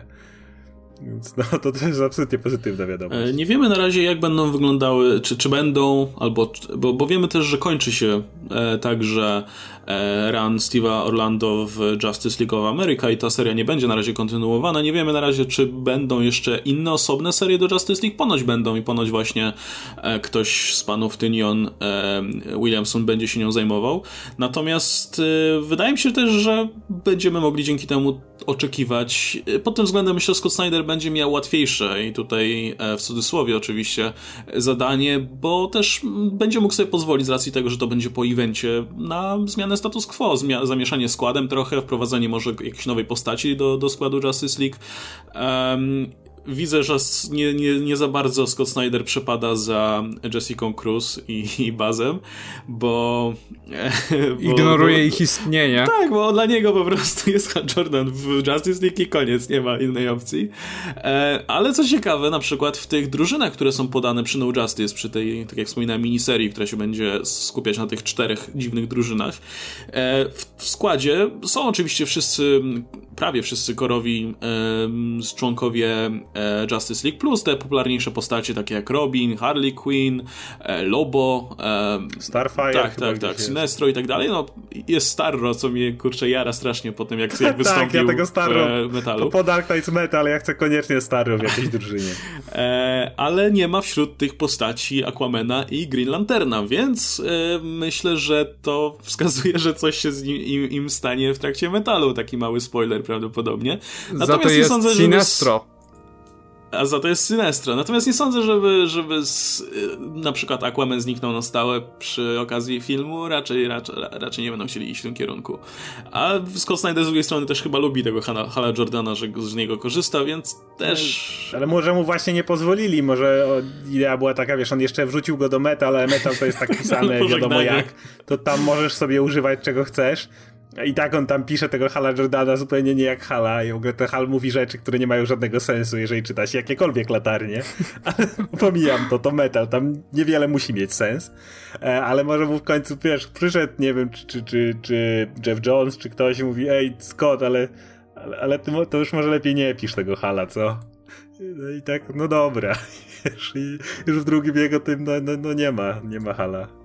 Czy ten No Justice będzie, e, ta inwazja kosmitów, o których wspomniałeś, to będzie Brainiac? Dlatego, że widzę, patrzę tutaj na... Brainiac ma ich poinformować o inwazji kosmitów, okay. e, bo wszyscy muszą się zjednoczyć, żeby coś z tym zrobić. To będzie inwazja, więc, który, przed którą Brainiac no. ich ostrzega, więc... Okej. Okay. E, czy no, będzie jakiekolwiek nawiązanie do Future's End i co się tam działo z Brainiaciem, czy po prostu ignorujemy to i e, to jest Brainiac? Nie, myślę, że po prostu to jest Brainiac jakiś tam. Okej. Okay. Kogo to obchodzi? Bo, tak. Ja myślę, że wiesz, to raczej jest proces zapominania o tych e, co gorszych elementach New 52. A raczej Future Sun się nie cieszyło specjalną popularnością, ani nie, wiesz, nie było specjalnie fanów. dobre. Co zresztą wiesz doskonale, więc... Czytałem, więc wiesz, Przeżyłem Future End. E, no, tak czy siak, tak to będzie wyglądało. Myślę, że całkiem ciekawie i, i myślę, że tym bardziej będzie fajnie czytać wreszcie Justice League, szczególnie w wydaniu Scotta Snydera. I jak już zaczęliśmy mówić o metal, to pomówmy sobie krótko o metal, bo zdaje się, że, nie wiem, dwa zeszyty nas chyba ominęły w międzyczasie. Um, i, e, i, I dochodziłem teraz do tego trudnego momentu, kiedy ktoś z nas powinien spróbować streścić to, co się dzieje. E, ale to jest zawsze Good problem, luck. ponieważ tam praktycznie na każdej stronie jest zwrot akcji i, i, i, cliffhanger i tak dalej, więc nie jest to zbyt łatwe. Natomiast też, e, nie, nie, też nie chciałbym w sumie psuć zabawy, szczerze mówiąc, bo e, ten komiks jest e, no dużo się w nim dzieje na pewno.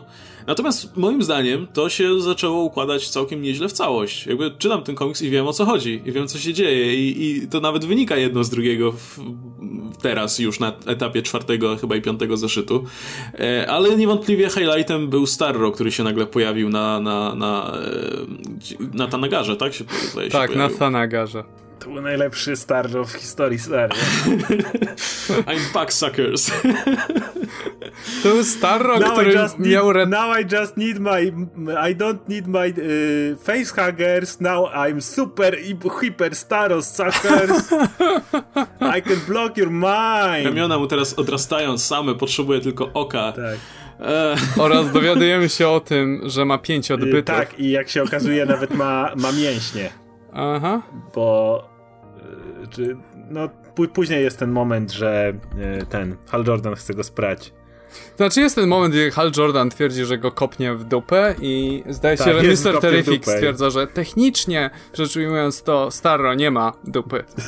I, nope. i, i, wiesz, kilka stron dalej masz mówi, mówiłem ci, że znajdę. I jest ale, ale jest nie, nie widzisz gdzie, jest na nie... zasadzie takiej, że on strzela i tylko słyszysz jak Star robi a Tak, i masz przypis jeszcze od e, redakcji czy od scenarzysty, tak, e, tak naprawdę Starro ma pięć odbytów. Takie, okej. Okay. Bo to, bo to bardzo istotne dla dalszych tak, historii. rozumiem na każdej macce. Jakbyś, jakbyś tego nie wiedział, to jakby ci szło dalej czytanie tego komiksu? Nie no, ale wiesz, no to jest, to jest tego typu komiks, że się tego typu rzeczy dowiadujesz i wiesz co to jest śmieszniejsze, że ten komiks jest pisany tak, jakby całe uniwersum DC do niego prowadziło i to jest trochę śmieszne, jak się nad tym zastanowisz, dlatego że e, jak gdyby metal w pełni akceptuje konsekwencje dzielonego uniwersum i całego multiversum, E, wiesz, zazwyczaj te rzeczy są ignorowane. Ilekroć sami pomyślcie o tym, ile razy czytaliście komiks z Batmanem, gdzie wedle wszelkiej logiki powinien wezwać do pomocy Supermana, Wonder Woman czy kogokolwiek, ale nie, Batman walczy sam. I ten komiks jak gdyby w pełni akceptuje to, że jeżeli jest dzielone uniwersum i są postacie takie jak Batman i są postacie takie jak Plastic Man, to, to istnienie Plastic Mana powinno w jakiś mieć konsekwencje na uniwersum Batmana i w ogóle na cały ten świat. I to jest jedyny komiks, który w taki autentycznie organiczny sposób łączy to wszystko i daje to taki dziwny miszmasz, dlatego że te postacie często nie były nigdy skonstruowane do tego, żeby działały ze sobą nawzajem. E, jest to coś cudownego. Jest to coś, co w dużej mierze przypomina mi wielkie kryzysy przeszłości. I też czasami niektóre te dialogi, szczególnie kiedy Superman i Batman są w tej Forge, są takie nie do końca naturalne, są takie troszeczkę patetyczne, tak właśnie jak były pisane stare kryzysy, ale przy tym jak gdyby akceptuje w pełni te wszystkie dziwaczne konteksty i koncepty, które wynikają z istnienia tych wszystkich postaci w jednym świecie. Warto wspomnieć, że powraca Martian Manhunter, którego od tej dziwnej wersji New 52 w ogóle nie było. Więc tak, to, to i zachowuje się tak jak jest... stary Merchant Manhunter. Tak, po prostu nagle, ej, a gdzie byłeś? No to na garze. No okej, okay, nie potrzebujesz więcej, nie? Ale tak jak mówię, to, to zaczęło się układać w coś w miarę sensownego. W ogóle jakbym miał streścić, mogę nawet streścić w jednym czy dwóch zdaniach to, co się dzieje, bo to jest tak, że jak ostatni raz mówiliśmy o metalu, to się skończyło na tym, że wszyscy bohaterowie się podzielili na te grupki i każdy ruszył w poszukiwaniu jakiegoś tam artefaktu z, z metalu. E, z metalu oczywiście w tym rozumieniu tutaj tym, tego z komiksu. Metalu. No i teraz w przeciągu ty, czytania tych dwóch komiksów e, każda z tych grupek dała dupy. E, znaczy okazało się, że to wszystko tak naprawdę było częścią planu e, Barbatosa, żeby oni odszukali mu te artefakty i żeby on mógł z nich skorzystać. No i tyle. I wszyscy są po prostu w dupie. Natomiast na no, w międzyczasie Superman e, poleciał ratować Batmana, jednocześnie sam został uwięziony i Batman musiał ratować niego i teraz oboje sami próbują się wydostać. I, i tyle.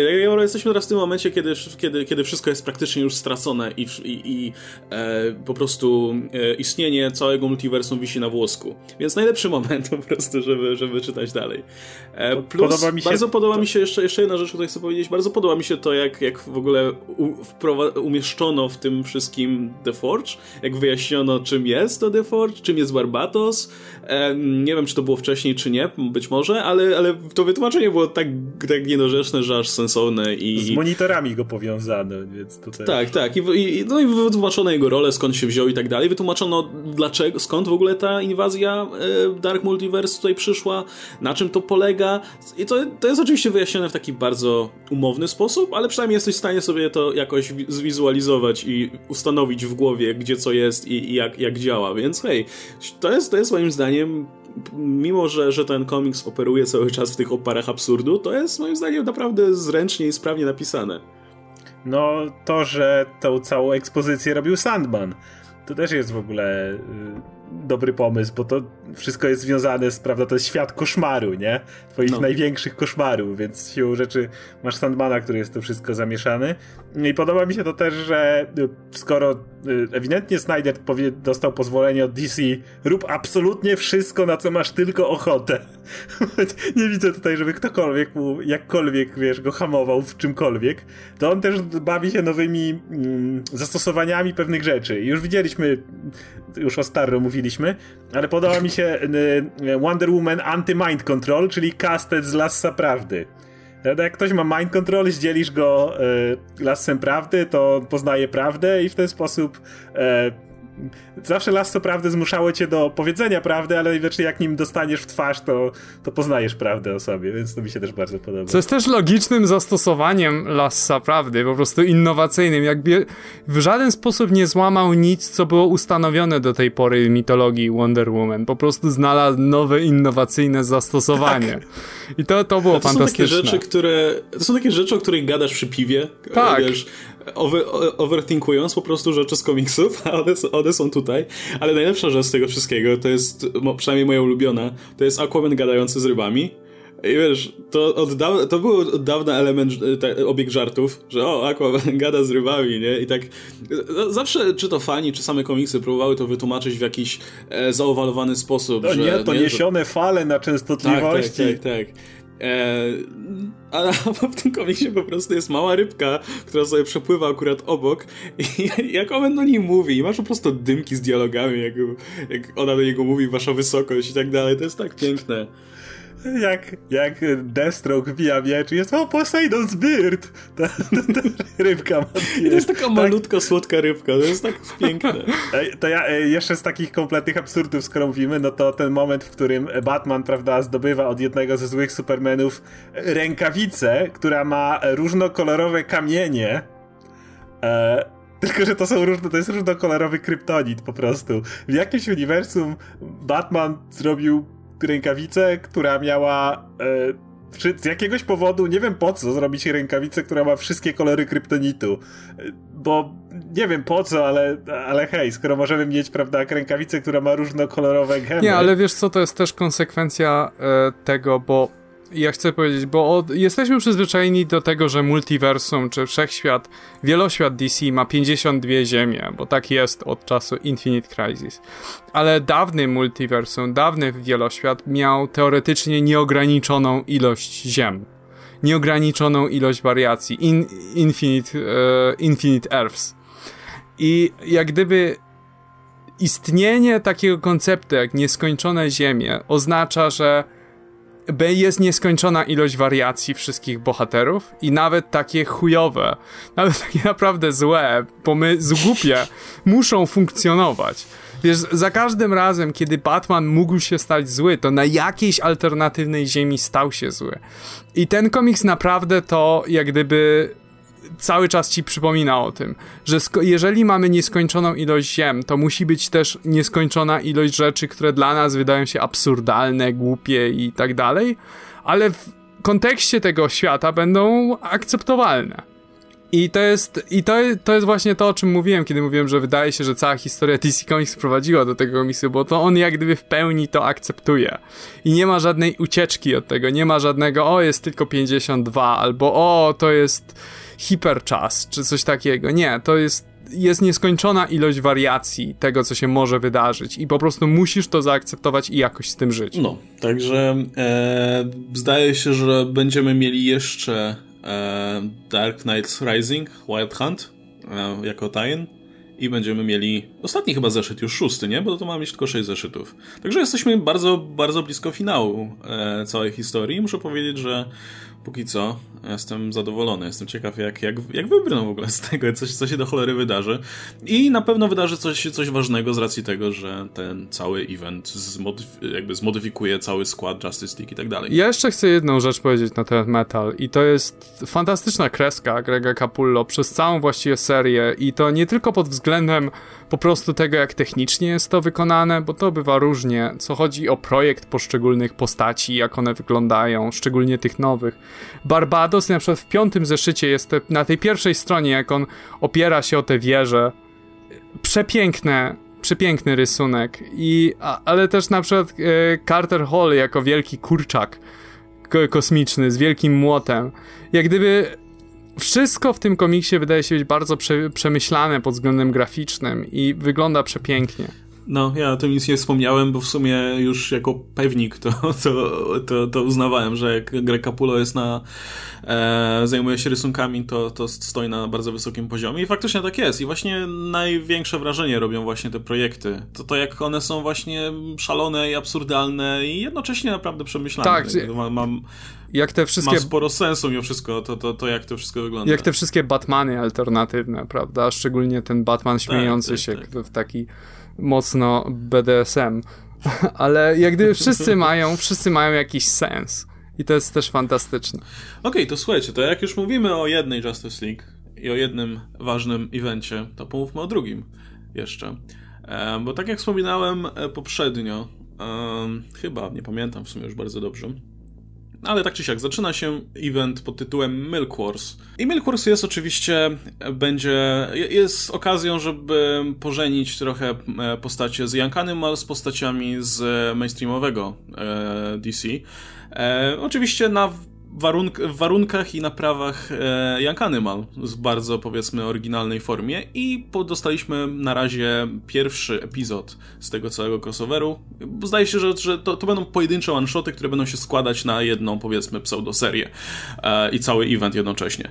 E, I dostaliśmy pierwszy zeszyt z tego, JLA Doom Patrol, pisany łącznie, prze, pisany wspólnie przez e, Steve Orlando, czyli autora Justice League of America i Gerarda Way'a, czyli autora Doom Patrolu, z absolutnie fenomenalnym fenomenalną oprawą Eiko, który myślę, że jest całkiem fajnie osadzony w ogóle w continuity Doom Patrolu, bo z jednej strony jest bezpośrednią kontynuacją, a z drugiej strony wyobrażam sobie, że ktoś, kto czyta tylko Doom Patrol może to zignorować, prawdopodobnie wiele nie straci. Więc y, jednocześnie przedstawia na tyle nową sytuację, że osoby, które nie czytały Doom Patrol albo powiedzmy są do tyłu z tym komiksem, będą prawdopodobnie wiedziały mniej więcej tyle, co te osoby, które czytają to od początku. Poza postaciami może, bo jasne, jakby ktoś, jeśli ktoś czytał Doom Patrol, to wie kim są te postacie, ale nie sądzę, żeby to coś zmieniało w odbiorze fabuły osobiście. Tak czy siak. E, ostatnio, jak, nie ma znaczenia zupełnie, co się działo w poprzednim zeszycie Doom Patrol, więc może to ominiemy dla uproszczenia. E, natomiast... Znaczy jest jeden, jest jeden, bo mówisz tak Aha. cały czas o tym, jakby to nie miało żadnego związku. Jest jeden silny związek z Doom Patrolem i to no jest... No jest Redcon.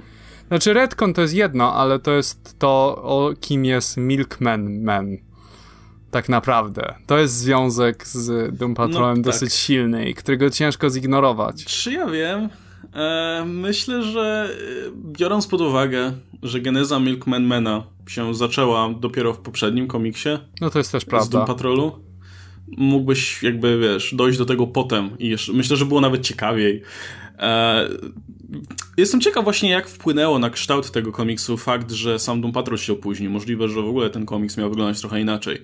E, ale tak czy siak, no jasne, jest powiązany, natomiast wydaje mi się, że jeśli ktoś chce sprawić z ciekawości po prostu ten komiks, to może. E, no jest, tak jak mówiłem, Redcon, to jest ta taka dziwna korporacja, która zmienia rzeczywistość pod twoje upodobania. Robi Redcon. No robi Redcon, to się nazywa Redcon. E, natomiast ona też się pojawiła w Doom Patrolu na razie żeby być i zobaczyć, co się z nią dalej stanie.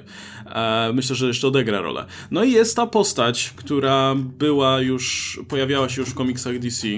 Manga, Lord Manga Khan, i czy to jest ta sama postać, która była w Doom Patrolu jako copyright? E, wiesz, sam kontur? E, chyba nie. No bo tamten to był taki bo ewidentnie wygląda... Thor, jakby miał skrzydełka i wszystko. tak, wygląda trochę inaczej, ale też ma czerwone dymki z jakiegoś powodu. Aha. I trochę przypomina, też ma, ma też pelerynę, taką samą pelerynę.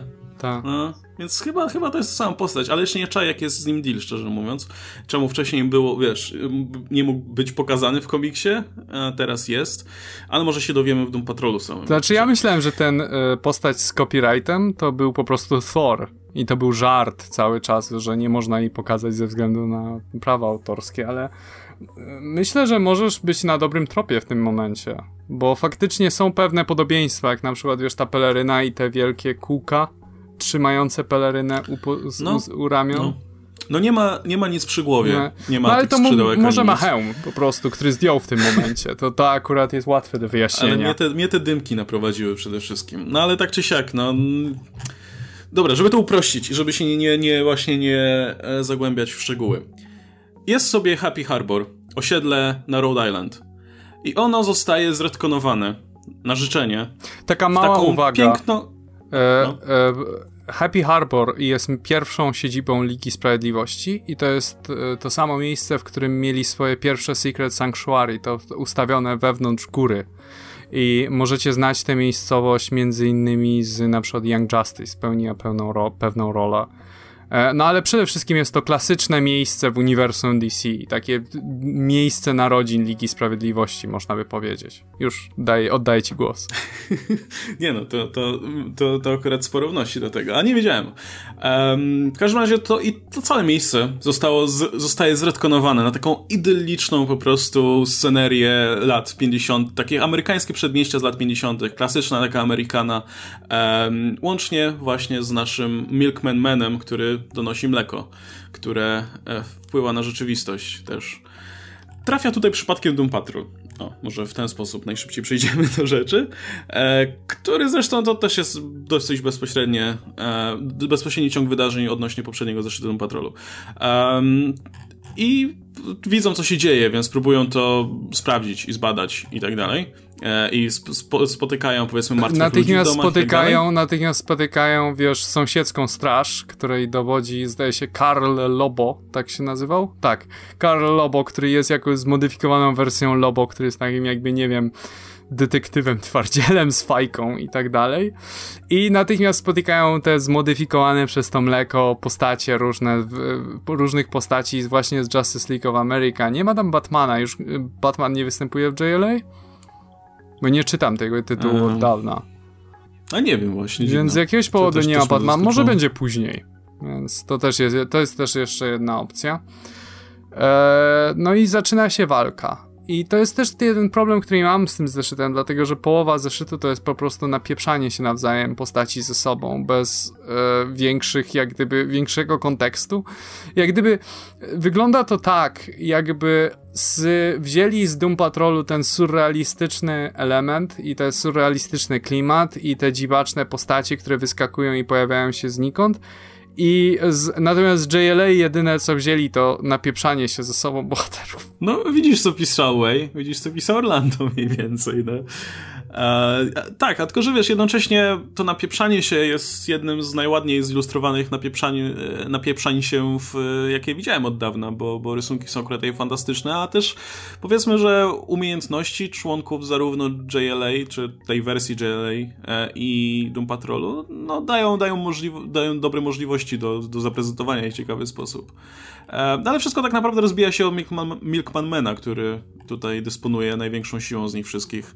I jest oczywiście ekwiwalentem Supermana, tylko że nie jest, e, nie jest oczywiście zmodyfikowanym Supermanem, tak jak reszta postaci jest w jakiś sposób zmodyfikowanymi postaciami z JLA. I tak jak postacie pierwotnie... jego genezę. Tak jak postacie pierwotnie zakładają, że to jest zmodyfikowany Superman, bo wygląda jak Superman. Ma pelerynę, ma supermoce, ma, e, wiesz, ma wszystkie te inne. I dostajemy origin jego. I origin jego taki, jak on go postrzega, czyli wiesz, to, że został wystrzelony z upadającej korporacji na rakiecie. I to wszystko, i taka piękna wariacja na temat tych klasycznych komiksów z Golden Age.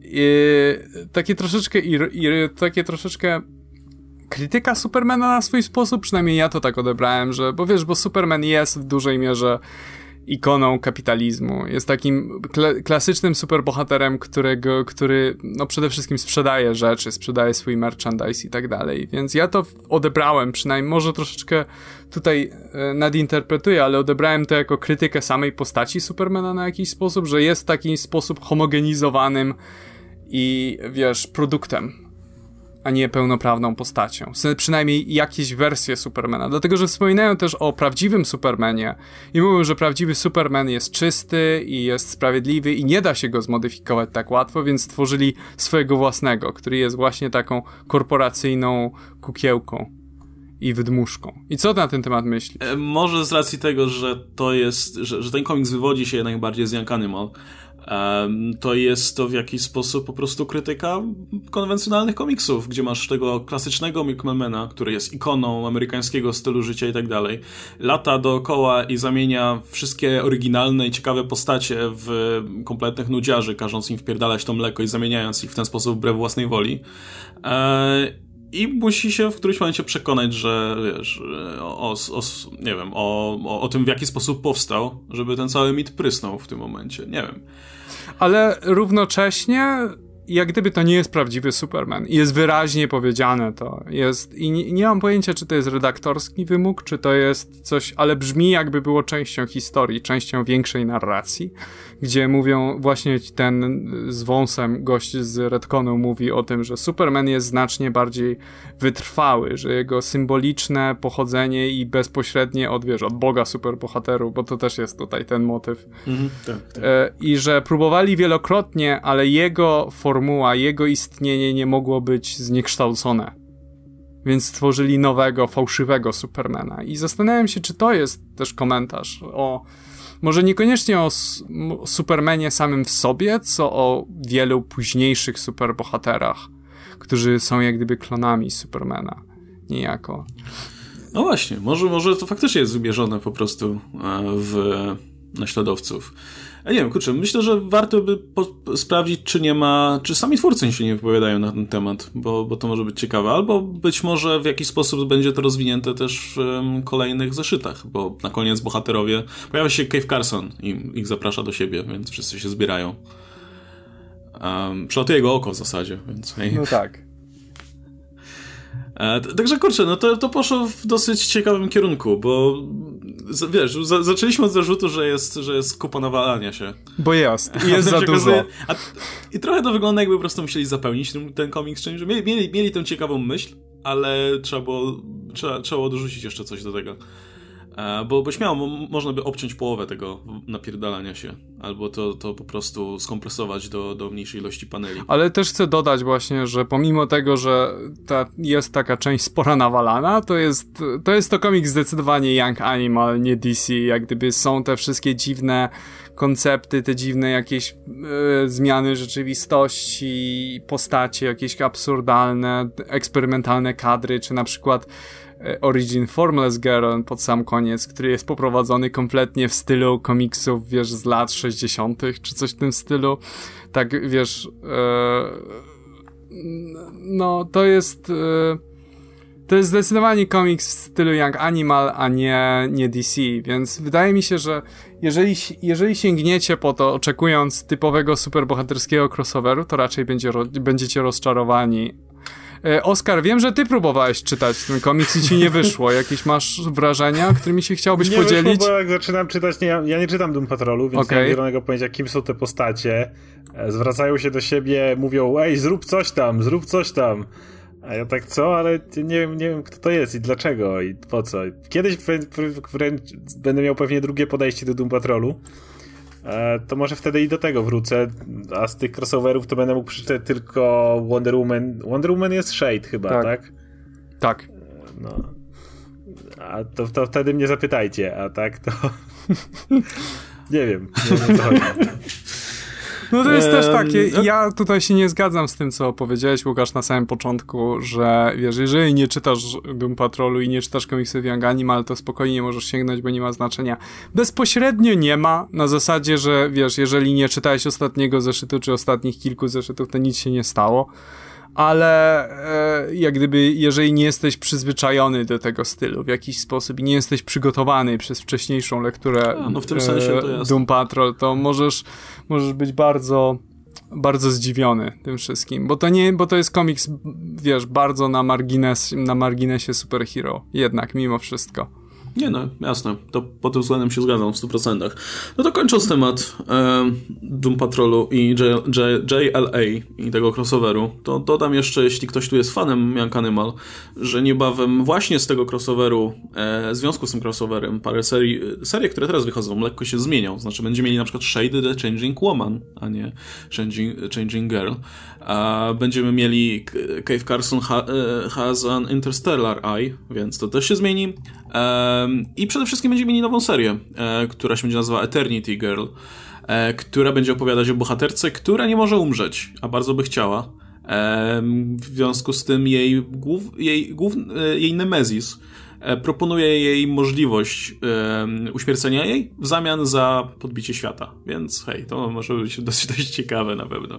E, ale to dopiero w marcu. Tymczasem, okej, okay, e, jak to, to Oskar, ty zacznij w takim razie, bo mówię, mm, mieliśmy pogadać o e, Doomsday Clock, aczkolwiek ja stwierdziłem, że sobie odpuszczę na razie i przeczytam całość, jak wyjdzie więcej, bo przeczytałem drugi zeszyt sam e, i, i stwierdziłem, że nie. Chyba to lepiej się będzie czytać po prostu jako, jako całość. Oskar, ty zacznij, bo, ty, bo czekam na twój run.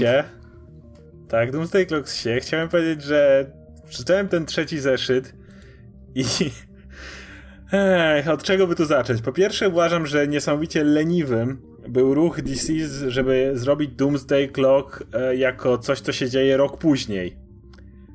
E, bo to jakby Doomsday Clock, historia, która tam ma miejsce, jest rok po tym obecnych wydarzeniach DC. I to jest tak bardzo leniwe. To znaczy, samo w sobie to mogłoby jeszcze działać, gdyby nie to, jak całe Rebirth było skonstruowane. Kiedy przez rok nam teasują wielką niebieską siłę, i yy, prawda, i nic z tego nie ma. Nic z tego nie mamy z tych wszystkich teasów. A potem zaczyna się Doomsday Clock i, i jestem na etapie trzeciego zeszytu i, i umieszczono nas w kompletnie innym miejscu Yy, kompletnie niepowiązanych rzeczy, które miały prowadzić do Doomsday Clock, ale mówią nie, bo jeszcze będzie rok i w ten rok to on dopiero doprowadzi do Doomsday Clock. Je jeszcze rok, spokojnie i wtedy będzie to, co tu piszemy, to będzie jasne, bo to jest tak leniwe. Mieli cały rok na to, żeby. Po, po chole... W tej chwili, według mnie, te całe teasowanie jeszcze bardziej czuje się, jak było stratą czasu jakby na tym etapie, po, po, jaką cholerę przez rok robili te swoje wszystkie wielkie niebieskie siły, skoro i tak one do niczego nie doprowadzą, ponieważ całą historię przenieśli jeszcze rok później. To jest tak głupie. I czytasz w tym momencie ten Doomsday Clock i to jest masa jakichś tam... Yy, ja to czuję, że to jest takie bardzo fake, że tak powiem, bo dzieje się bardzo dużo rzeczy na świecie, jest powiedziane o jakichś tam strajkach ludzi i tak dalej, żeby to wszystko przypominało Watchmen i ja tak bardzo czuję ten fałsz, że to jest na zasadzie takiej, napiszmy tą historię, że przypominało Watchmen, a potem przez rok będziemy kombinować, jak to, jak te nitki połączyć, bo teraz to nie ma po co, a, a Jeff Jones rzucił, że Watchmen crossover będzie fajny, tak jak Adam mówił, że pewnie rzucił kiedyś, ej, crossover z Watchmen to będzie fajny, dobra, to pisz. A to nic, że rok teasowaliśmy, to jeszcze rok.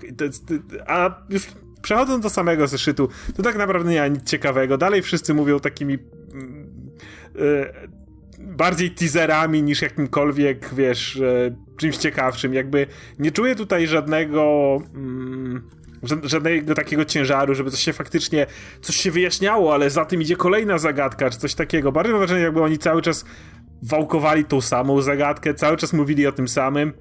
Plus, jeżeli ktoś ma jakiekolwiek zastrzeżenia do tego, jak Zack Snyder pokazał swoich, e, znaczy bohaterów Watchmen w filmie, bo byli zbyt superhero, to to, co robi tutaj Mim e, i Marionette, to po prostu na, Snyder nawet do takiego stopnia nie doszedł. Jeżeli oni funkcjonowali w świecie Watchmen, to ci bohaterowie Snydera przy nich to są, wiecie, normalni ludzie, którzy w ogóle nie znają się na sztukach walki i nic nie potrafią. Więc to absolutnie nie jest y, tonalnie pod tym względem spójne, spójne z tym, co robił Mur. Także na, to, na tą chwilę uważam, że to jest siej, to jest fałszywe i leniwe po prostu. Wiesz co, to jest wiele rzeczy, których ja się obawiałem, kiedy mu rozmawialiśmy o pierwszym zeszycie jeszcze, kiedy mieliśmy ten specjalny odcinek o Watchmen.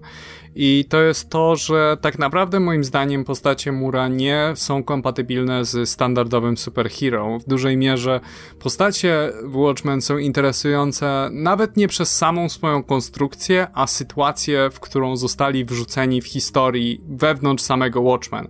Jak gdyby te postacie w dużej mierze są po prostu kliszami i kalkami innych postaci, ale są interesujące, bo zostały wrzucone w interesujące położenie. Takie, w które nie mogłyby, nie mógłby mógłby się trafić Batman, ani Superman, ani nikt z tej, z tej ligi superbohaterów. I tutaj jak gdyby próbuje się zamiast dostosować świat DC do poziomu Watchmen, tego takiego ultrarealistycznego yy, świata, trochę takiego żenującego tak naprawdę, to się, to jest sytuacja odwrotna. Postacie Watchmen są sprowadzane do poziomu superbohaterów takich tradycyjnych, wyłącznie z tym, że to, to co wspominałeś o e, mimie marionet, ale też na przykład Ozymandias w pewnym momencie robi, e, e, kurde, salto mortale wyskakując z dachu. Tak, tak. tak. Co jest tak potwornie, wiesz, nietrafienie w sens postaci stworzonych przez Mura, jak tylko się da, Panu Bogu w okno. I...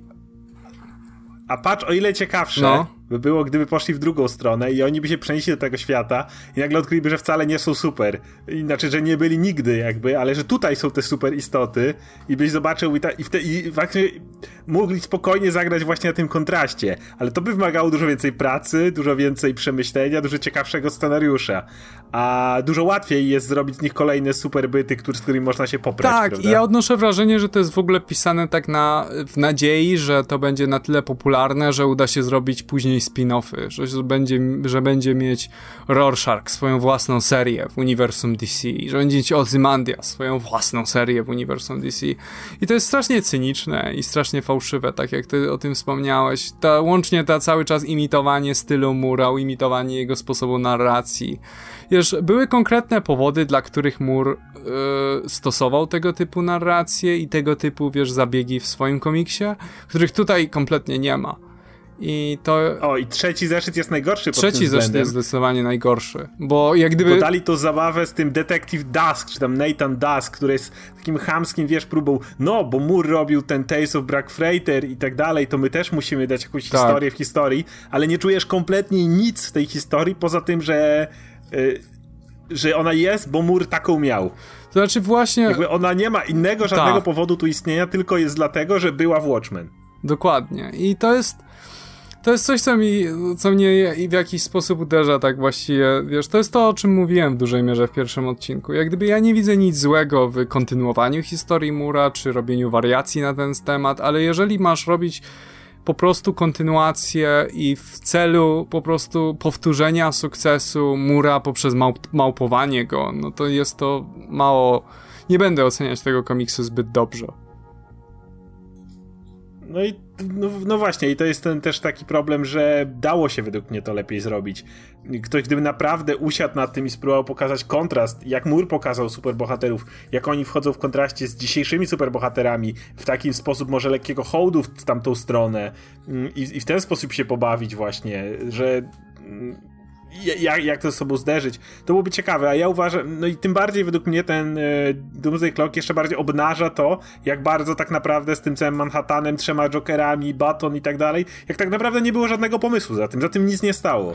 No też takie to... odnosiłem wrażenie od dłuższego czasu, bo odnoszę wrażenie, że gdyby faktycznie coś za tym stało istotnego i ważnego, to by już teasowali to w taki troszeczkę inteligentniejszy sposób. Natomiast po prostu teasowali, że jest, że jest wielka tajemnicza siła i tak dalej. E, ale no. Nie no, ale sam fakt, kiedy po roku teasowania dochodzimy do eventu, do którego miało to doprowadzić i w nim się dowiadujesz, że on się dzieje rok później, to jest według mnie już trochę nawet brak szacunku do czytelnika, bo to jest takie ewidentnie właśnie bardzo leniwe na zasadzie e, nie, nie wymyśliliśmy nic sensownego do tej pory, to, to może jeszcze wymyślimy. To jest chyba nawiązanie. Nie. Ja, ja nie mam pojęcia, czy tak jest, ale wydaje mi się, że to może być nawiązanie do tego, co zrobiono przy okazji Infinite Crisis, gdzie w momencie, jak się Infinite Crisis kończyło, no to jak gdyby akcja wszystkich komiksów została. To tam była trochę odwrotna sytuacja. Nie, że jeden komiks się dział rok później, tylko że akcja wszystkich komiksów została przesunięta o rok do przodu i miałeś serię 52, która tłumaczyła, co się działo przez ten rok, bo wszyscy superbohaterowie z pierwszej ligi wycofali się z życia publicznego i taki był ten cel przesunięcia. Ale jak widzisz, podałem ci właśnie konkretny powód, dlaczego zrobiono to, dlaczego przesunięto o rok całą akcję i tutaj tego wyjaśnienia nie ma. Po prostu akcja się dzieje rok później. I... Tak, ale to jest zupełnie też co innego, bo też mhm. nie miałeś tego całego teasowania, które ci mówiło, że nadejdzie wielki event, to który prawda. to wszystko wyjaśni. To, było, to jest według mnie zupełnie inna struktura. Y, Marvel też się pobawił w 8 miesięcy później, gdzie przesunął cały timetable 8 miesięcy. Samo sobie w sobie to nie jest coś złego. Ten zabieg absolutnie nie jest czymś złym. I tak jak mówisz, w momencie, kiedy powstaje potem 52 i seria, która stara się wypełnić tą lukę, to jest standardowy zabieg. Ile razy widzieliśmy historię, która dzieje się później, a potem mieliśmy coś, co to łączy. Ale to jest zupełnie inne podejście. To jest wypchnięcie tego właśnie eventu, tego, tej rzeczy, która ma być spójna, na sam koniec, ewidentnie nie mając historii, która do niego prowadzi. Może zarys, ale nawet nie jestem tego pewien. No, Łukasz, czy masz ochotę czytać dalej Doomsday Clock po naszych wypowiedziach? Tak, sprawdzę, tylko że mówię, wolę sobie to przeczytać jako całość, bo, e, bo mówię, przeczytałem ten drugi zeszyt i nie wciągnął mnie specjalnie. To trzeci jest gorszy. E, okej. Okay. nie wiem, no cały, będę miał cały czas nadzieję, że czytając to, to ciągiem to trochę zyska, ale zobaczę. z czystej ciekawości. No ja, ja cały czas liczę, naiwnie trochę i trochę mimo wszystko um, podejrzewam, że, że, że no, jakby zdaję sobie sprawę, że to jest bardzo naiwne, że, że jednak ten, ten, ten event do czegoś będzie ciekawego prowadził. No, ale, hej, ja chciałem jeszcze jedną rzecz powiedzieć do tego, co wcześniej Oskar mówiłeś i to jest związane z tym, moim zdaniem ciężko, byłoby bardzo ciężkie wymagałoby ogromnego talentu scenarzysty i jak gdyby naprawdę dobrego pomysłu, żeby kontynuować Watchmen z tego punktu i żeby jakkolwiek zrobić z Watchmen taką telenowelę, czy jakiekolwiek, czy jakiekolwiek rozwijanie tego, dlatego Dlatego, że jeżeli pomyślisz o tym, jak Watchmen powstało, Watchmen pierwotnie mieli być postaciami z Charlton Comics. Miał się pojawić The Question, Blue Beetle i tym podobne postacie. DC pierwotnie odmówiło Murowi użycia tych bohaterów, więc wymyślił swoich własnych i odkrył, że użycie swoich własnych było dużo lepszym pomysłem, bo mógł z nimi zrobić cokolwiek.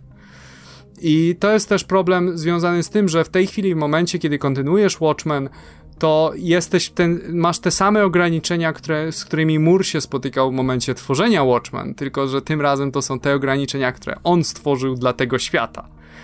I jak gdyby, no to tworzy, to tworzy taki jakby to jest troszeczkę wbrew temu wszystkiemu, po co powstał Watchmen. I ja nie do końca jestem przekonany, że można było coś zrobić z tym interesującego do końca.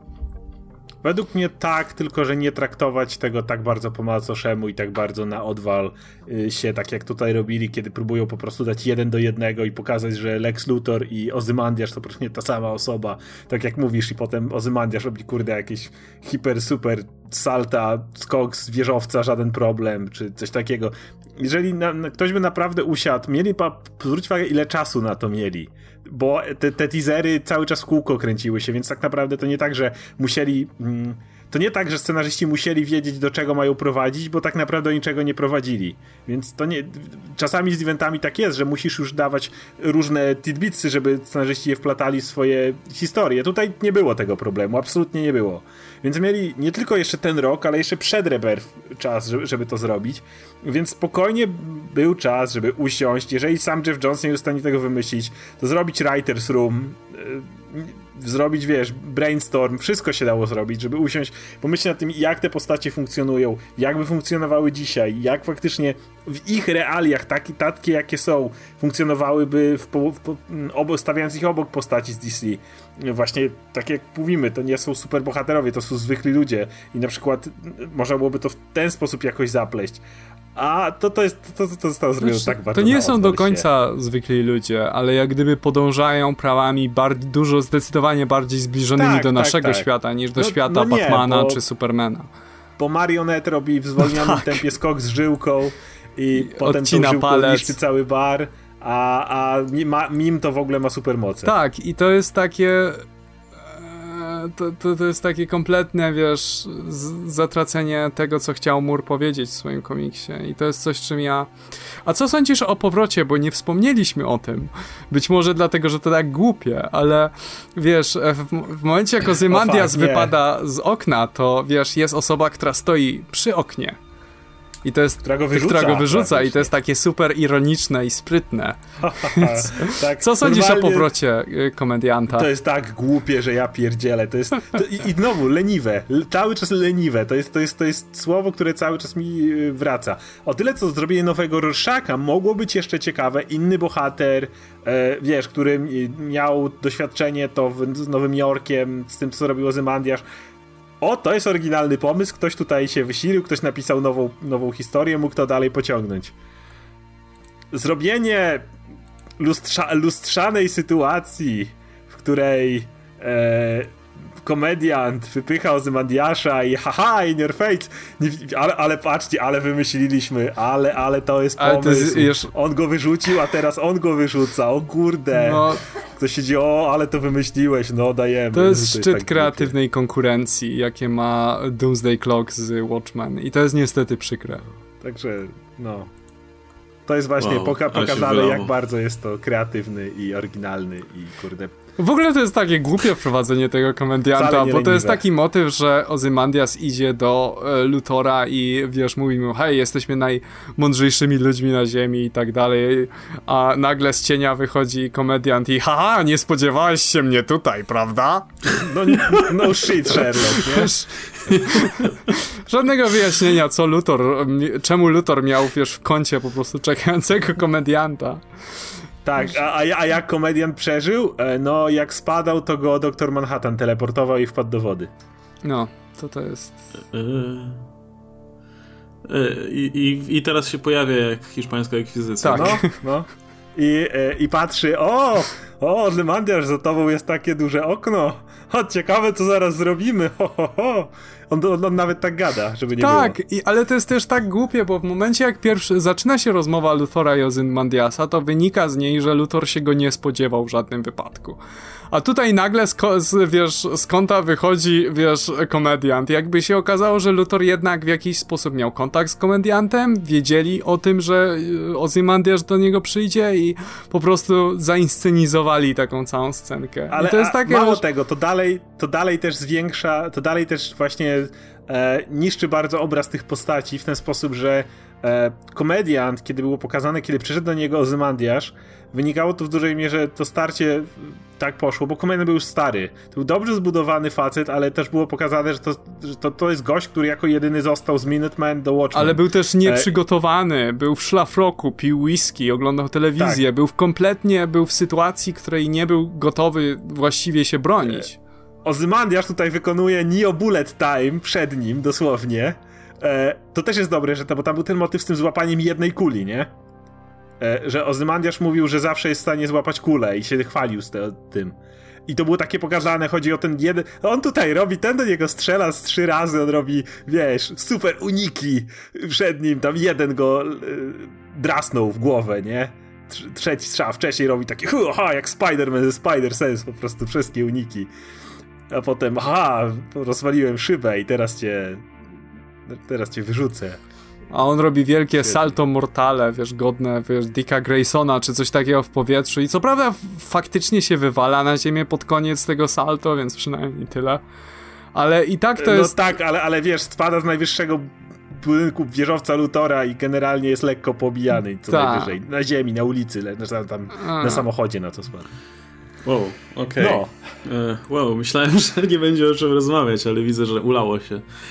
Um, no dobra, to jak, jak jesteśmy przy DC i przy mniej lub bardziej udanych, ale, ale ryzykownych pomysłach, to po, po nowej serii Damage, o której mówiliśmy poprzednio, czas na parę słów o nowej, innej nowej serii, tym razem pisanej przez Dana Obneta i ilustrowanej przez Johna Romita Jr., aczkolwiek chyba powinienem powiedzieć odwrotnie, bo Romita Jr. Ma top billing tutaj. Um, pod tytułem Silencer i przyznam szczerze, że ja tak zerknąłem do tego, zobaczyłem, że to jest ten Romita, którego nie cierpię. Um, nie żeby był jakiś inny Romita, ale na przykład w All Star Batman mi jakoś jego rysunki nie przeszkadzały, wręcz przeciwnie. Tutaj po prostu nie mogłem na to patrzeć, plus sam, sam komiks mnie aż tak nie interesował, więc go nie czytałem, ale może mieliście inaczej. Okej, okay, e, jest to lepszy komiks niż Damage? Zacznę od tego. Damage był kompletnym gównem. Jakby nie dało się tego czytać zupełnie. W momencie, w którym mówisz to lepsze niż Damage, to mi dalej nic nie mówi. E, no, nie jest dużo lepszy od Damage. Tu może przejdę do tego. Problem główny z Silencer i z Damage, te zresztą też, jest taki, że to jest komiks, który już czytaliście setki razy, tylko że z innymi postaciami. To jest powrót pierwszej fali komiksów Image taki, te, tych, wiesz, superhero takiego klonowania Marvela z takimi super edgy, wymienimy extreme postaciami. E, Silencer opowiada o e, kobiecie, która jest żoną i jest matką i jest bardzo szczęśliwa w swojej roli, ale ma bardzo wielką, tajemniczą przeszłość, gdzie była najlepszą asasynką na ziemi, dziwko i miała supermoce i tak dalej i pracowała dla Tali Al Ghul i teraz jej dawni pracodawcy chcą ją ścigać i chcą zniszczyć jej wspaniałe życie. Dokładnie jak wczesne Image. I to jest dokładnie w stylu wczesnego Image. I czy jest złe? Nie, o ile Damage naprawdę się nie dało czytać, jest to komiks, w którym się nie dało podążać za akcją, nie, wiesz, dialogi były absurdalne, kreska była myląca i tak dalej, o tyle Silencer jest napisane tak, że możesz spokojnie przeczytać cały komiks, zrozumieć, co się działo i, wiesz, nie zastanawiać się nad tym więcej, więc jest, jest, jest kompetentne jako głupawe czytadło. Największy problem tego komiksu jest to, jak bardzo jest nieoryginalny i jak bardzo jest, wiesz, nic, nie ma tutaj nic, czego jeszcze nie widziałem gdzieś tam, czy to, czy w jakimś komiksie wcześniej. I e, dialogi nie są napisane najgorzej, jak gdyby, no, mów ponownie, porównuję do Damage.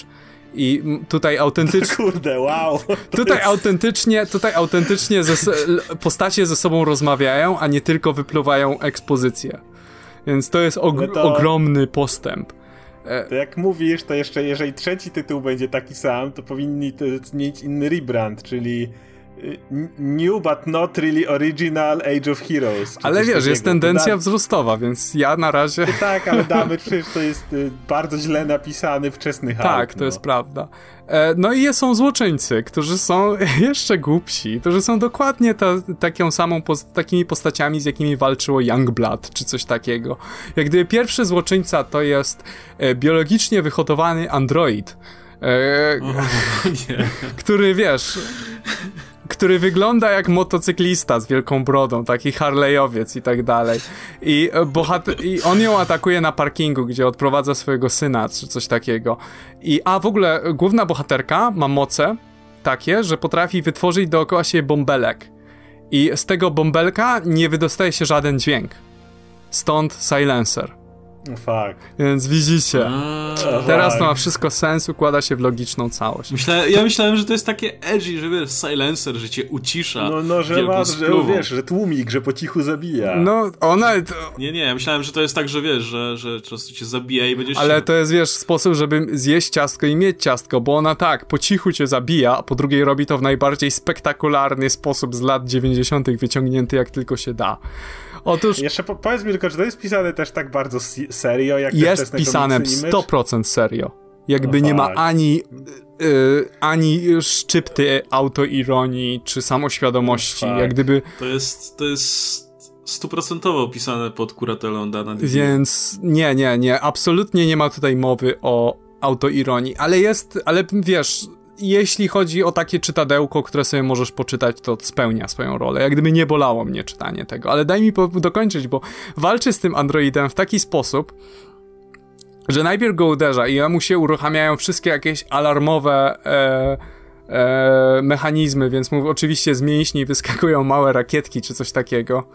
I ona w tym momencie go robi mu atak karate, taki wiesz, rozłożona dłoń, w krocze, gdzie jest jego źródło zasilania i tym samym on wybucha, ale jest w tym bubelku, więc jego sy jej syn tego nie słyszy i ona wsiada do samochodu i odjeżdża. I, w tym komiksie jest jeszcze jedna taka walka z dwoma równie kuriozalnymi przeciwnikami. Tego już nie będę zdradzać, bo szczerze mówiąc nawet ich nie pamiętam, o co z nimi chodziło. Jak, jakie oni mieli supermoce to ma szansę rozwinąć się w późniejszych zeszytach, jeżeli by było, jeżeli by dali jak gdyby możliwość troszeczkę autoironii czy co, czegoś takiego, bo to jest troszeczkę tak jakbyś, troszeczkę jak, nie wiem, filmy z Arnoldem Schwarzeneggerem wczesne, czy coś w tym stylu. E, więc... Naprawdę nikt nie zauważył, że w dzisiejszych czasach nie da się tego brać na serio, że to po prostu te, tego typu historie albo dodasz do nich autoironii, chociaż odrobinę to już, to już dużo, ale to już pod tym względem lepiej wypada ten, chociaż też gówniana, ta nowa seria Cable'a, gdzie ten gość rysuje, co rysuje jak niedorobiony Liefeld. Mhm.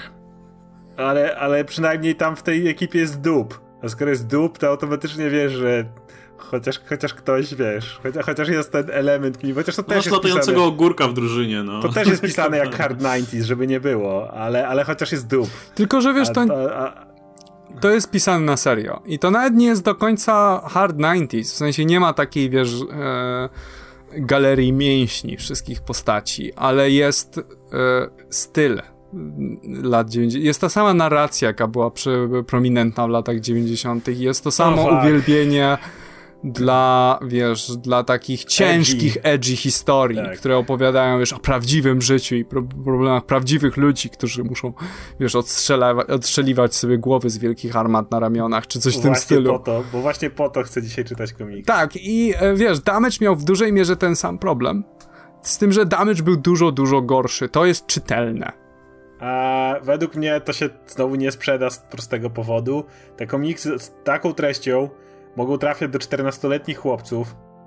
Też, też kiedyś byłem 14-letnim chłopcem i też kiedyś czytałem komiks z lat 90. i myślałem, że Pieśń Egzekutora jest najlepszym komiksem w historii. E, natomiast e, problem polega na tym, że to była reinterpretacja znanych bohaterów. Chodzi o to, że kiedy Wolverine i Spider-Man i cała reszta tak wyglądała, to oni odnosili sukces. I kiedy wyszło Image, to ono de facto było na tej samej fali co reszta bohaterów. Więc dalej 14-letni chłopcy, którzy już przyzwyczaili się do tego typu komiksów, a że no Image jeszcze miało ten sam styl, bo rysownicy przeszli, no to dalej w to wskoczyli. Tutaj masz historie, które są robione właśnie w stylu 90s pod tym względem, a jednocześnie no mainstream oferuje coś zupełnie innego, już jakby wyrósł z tego i według mnie to nawet do 14-letnich chłopców teraz nie trafi. Okej, okay, i na tym myślę skończymy. E, mieliśmy jeszcze porozmawiać o Phoenix Resurrection, ale zostawimy to sobie na kolejny odcinek. Jakoś tak wyszło, że mamy teraz samo DC. Tak jak poprzednio było sam Marvel, tak teraz myślę, że odrobiliśmy i za tydzień również pomówimy sobie o pierwszym zeszycie X-Men Red. Tymczasem żegnamy się z wami. Był ze mną oczywiście Oskar Rogowski, komiksomaniak. Cześć wam. I Radek Pisula z Full Frontal Pisula. No hej, hej. Trzymajcie się. Cześć.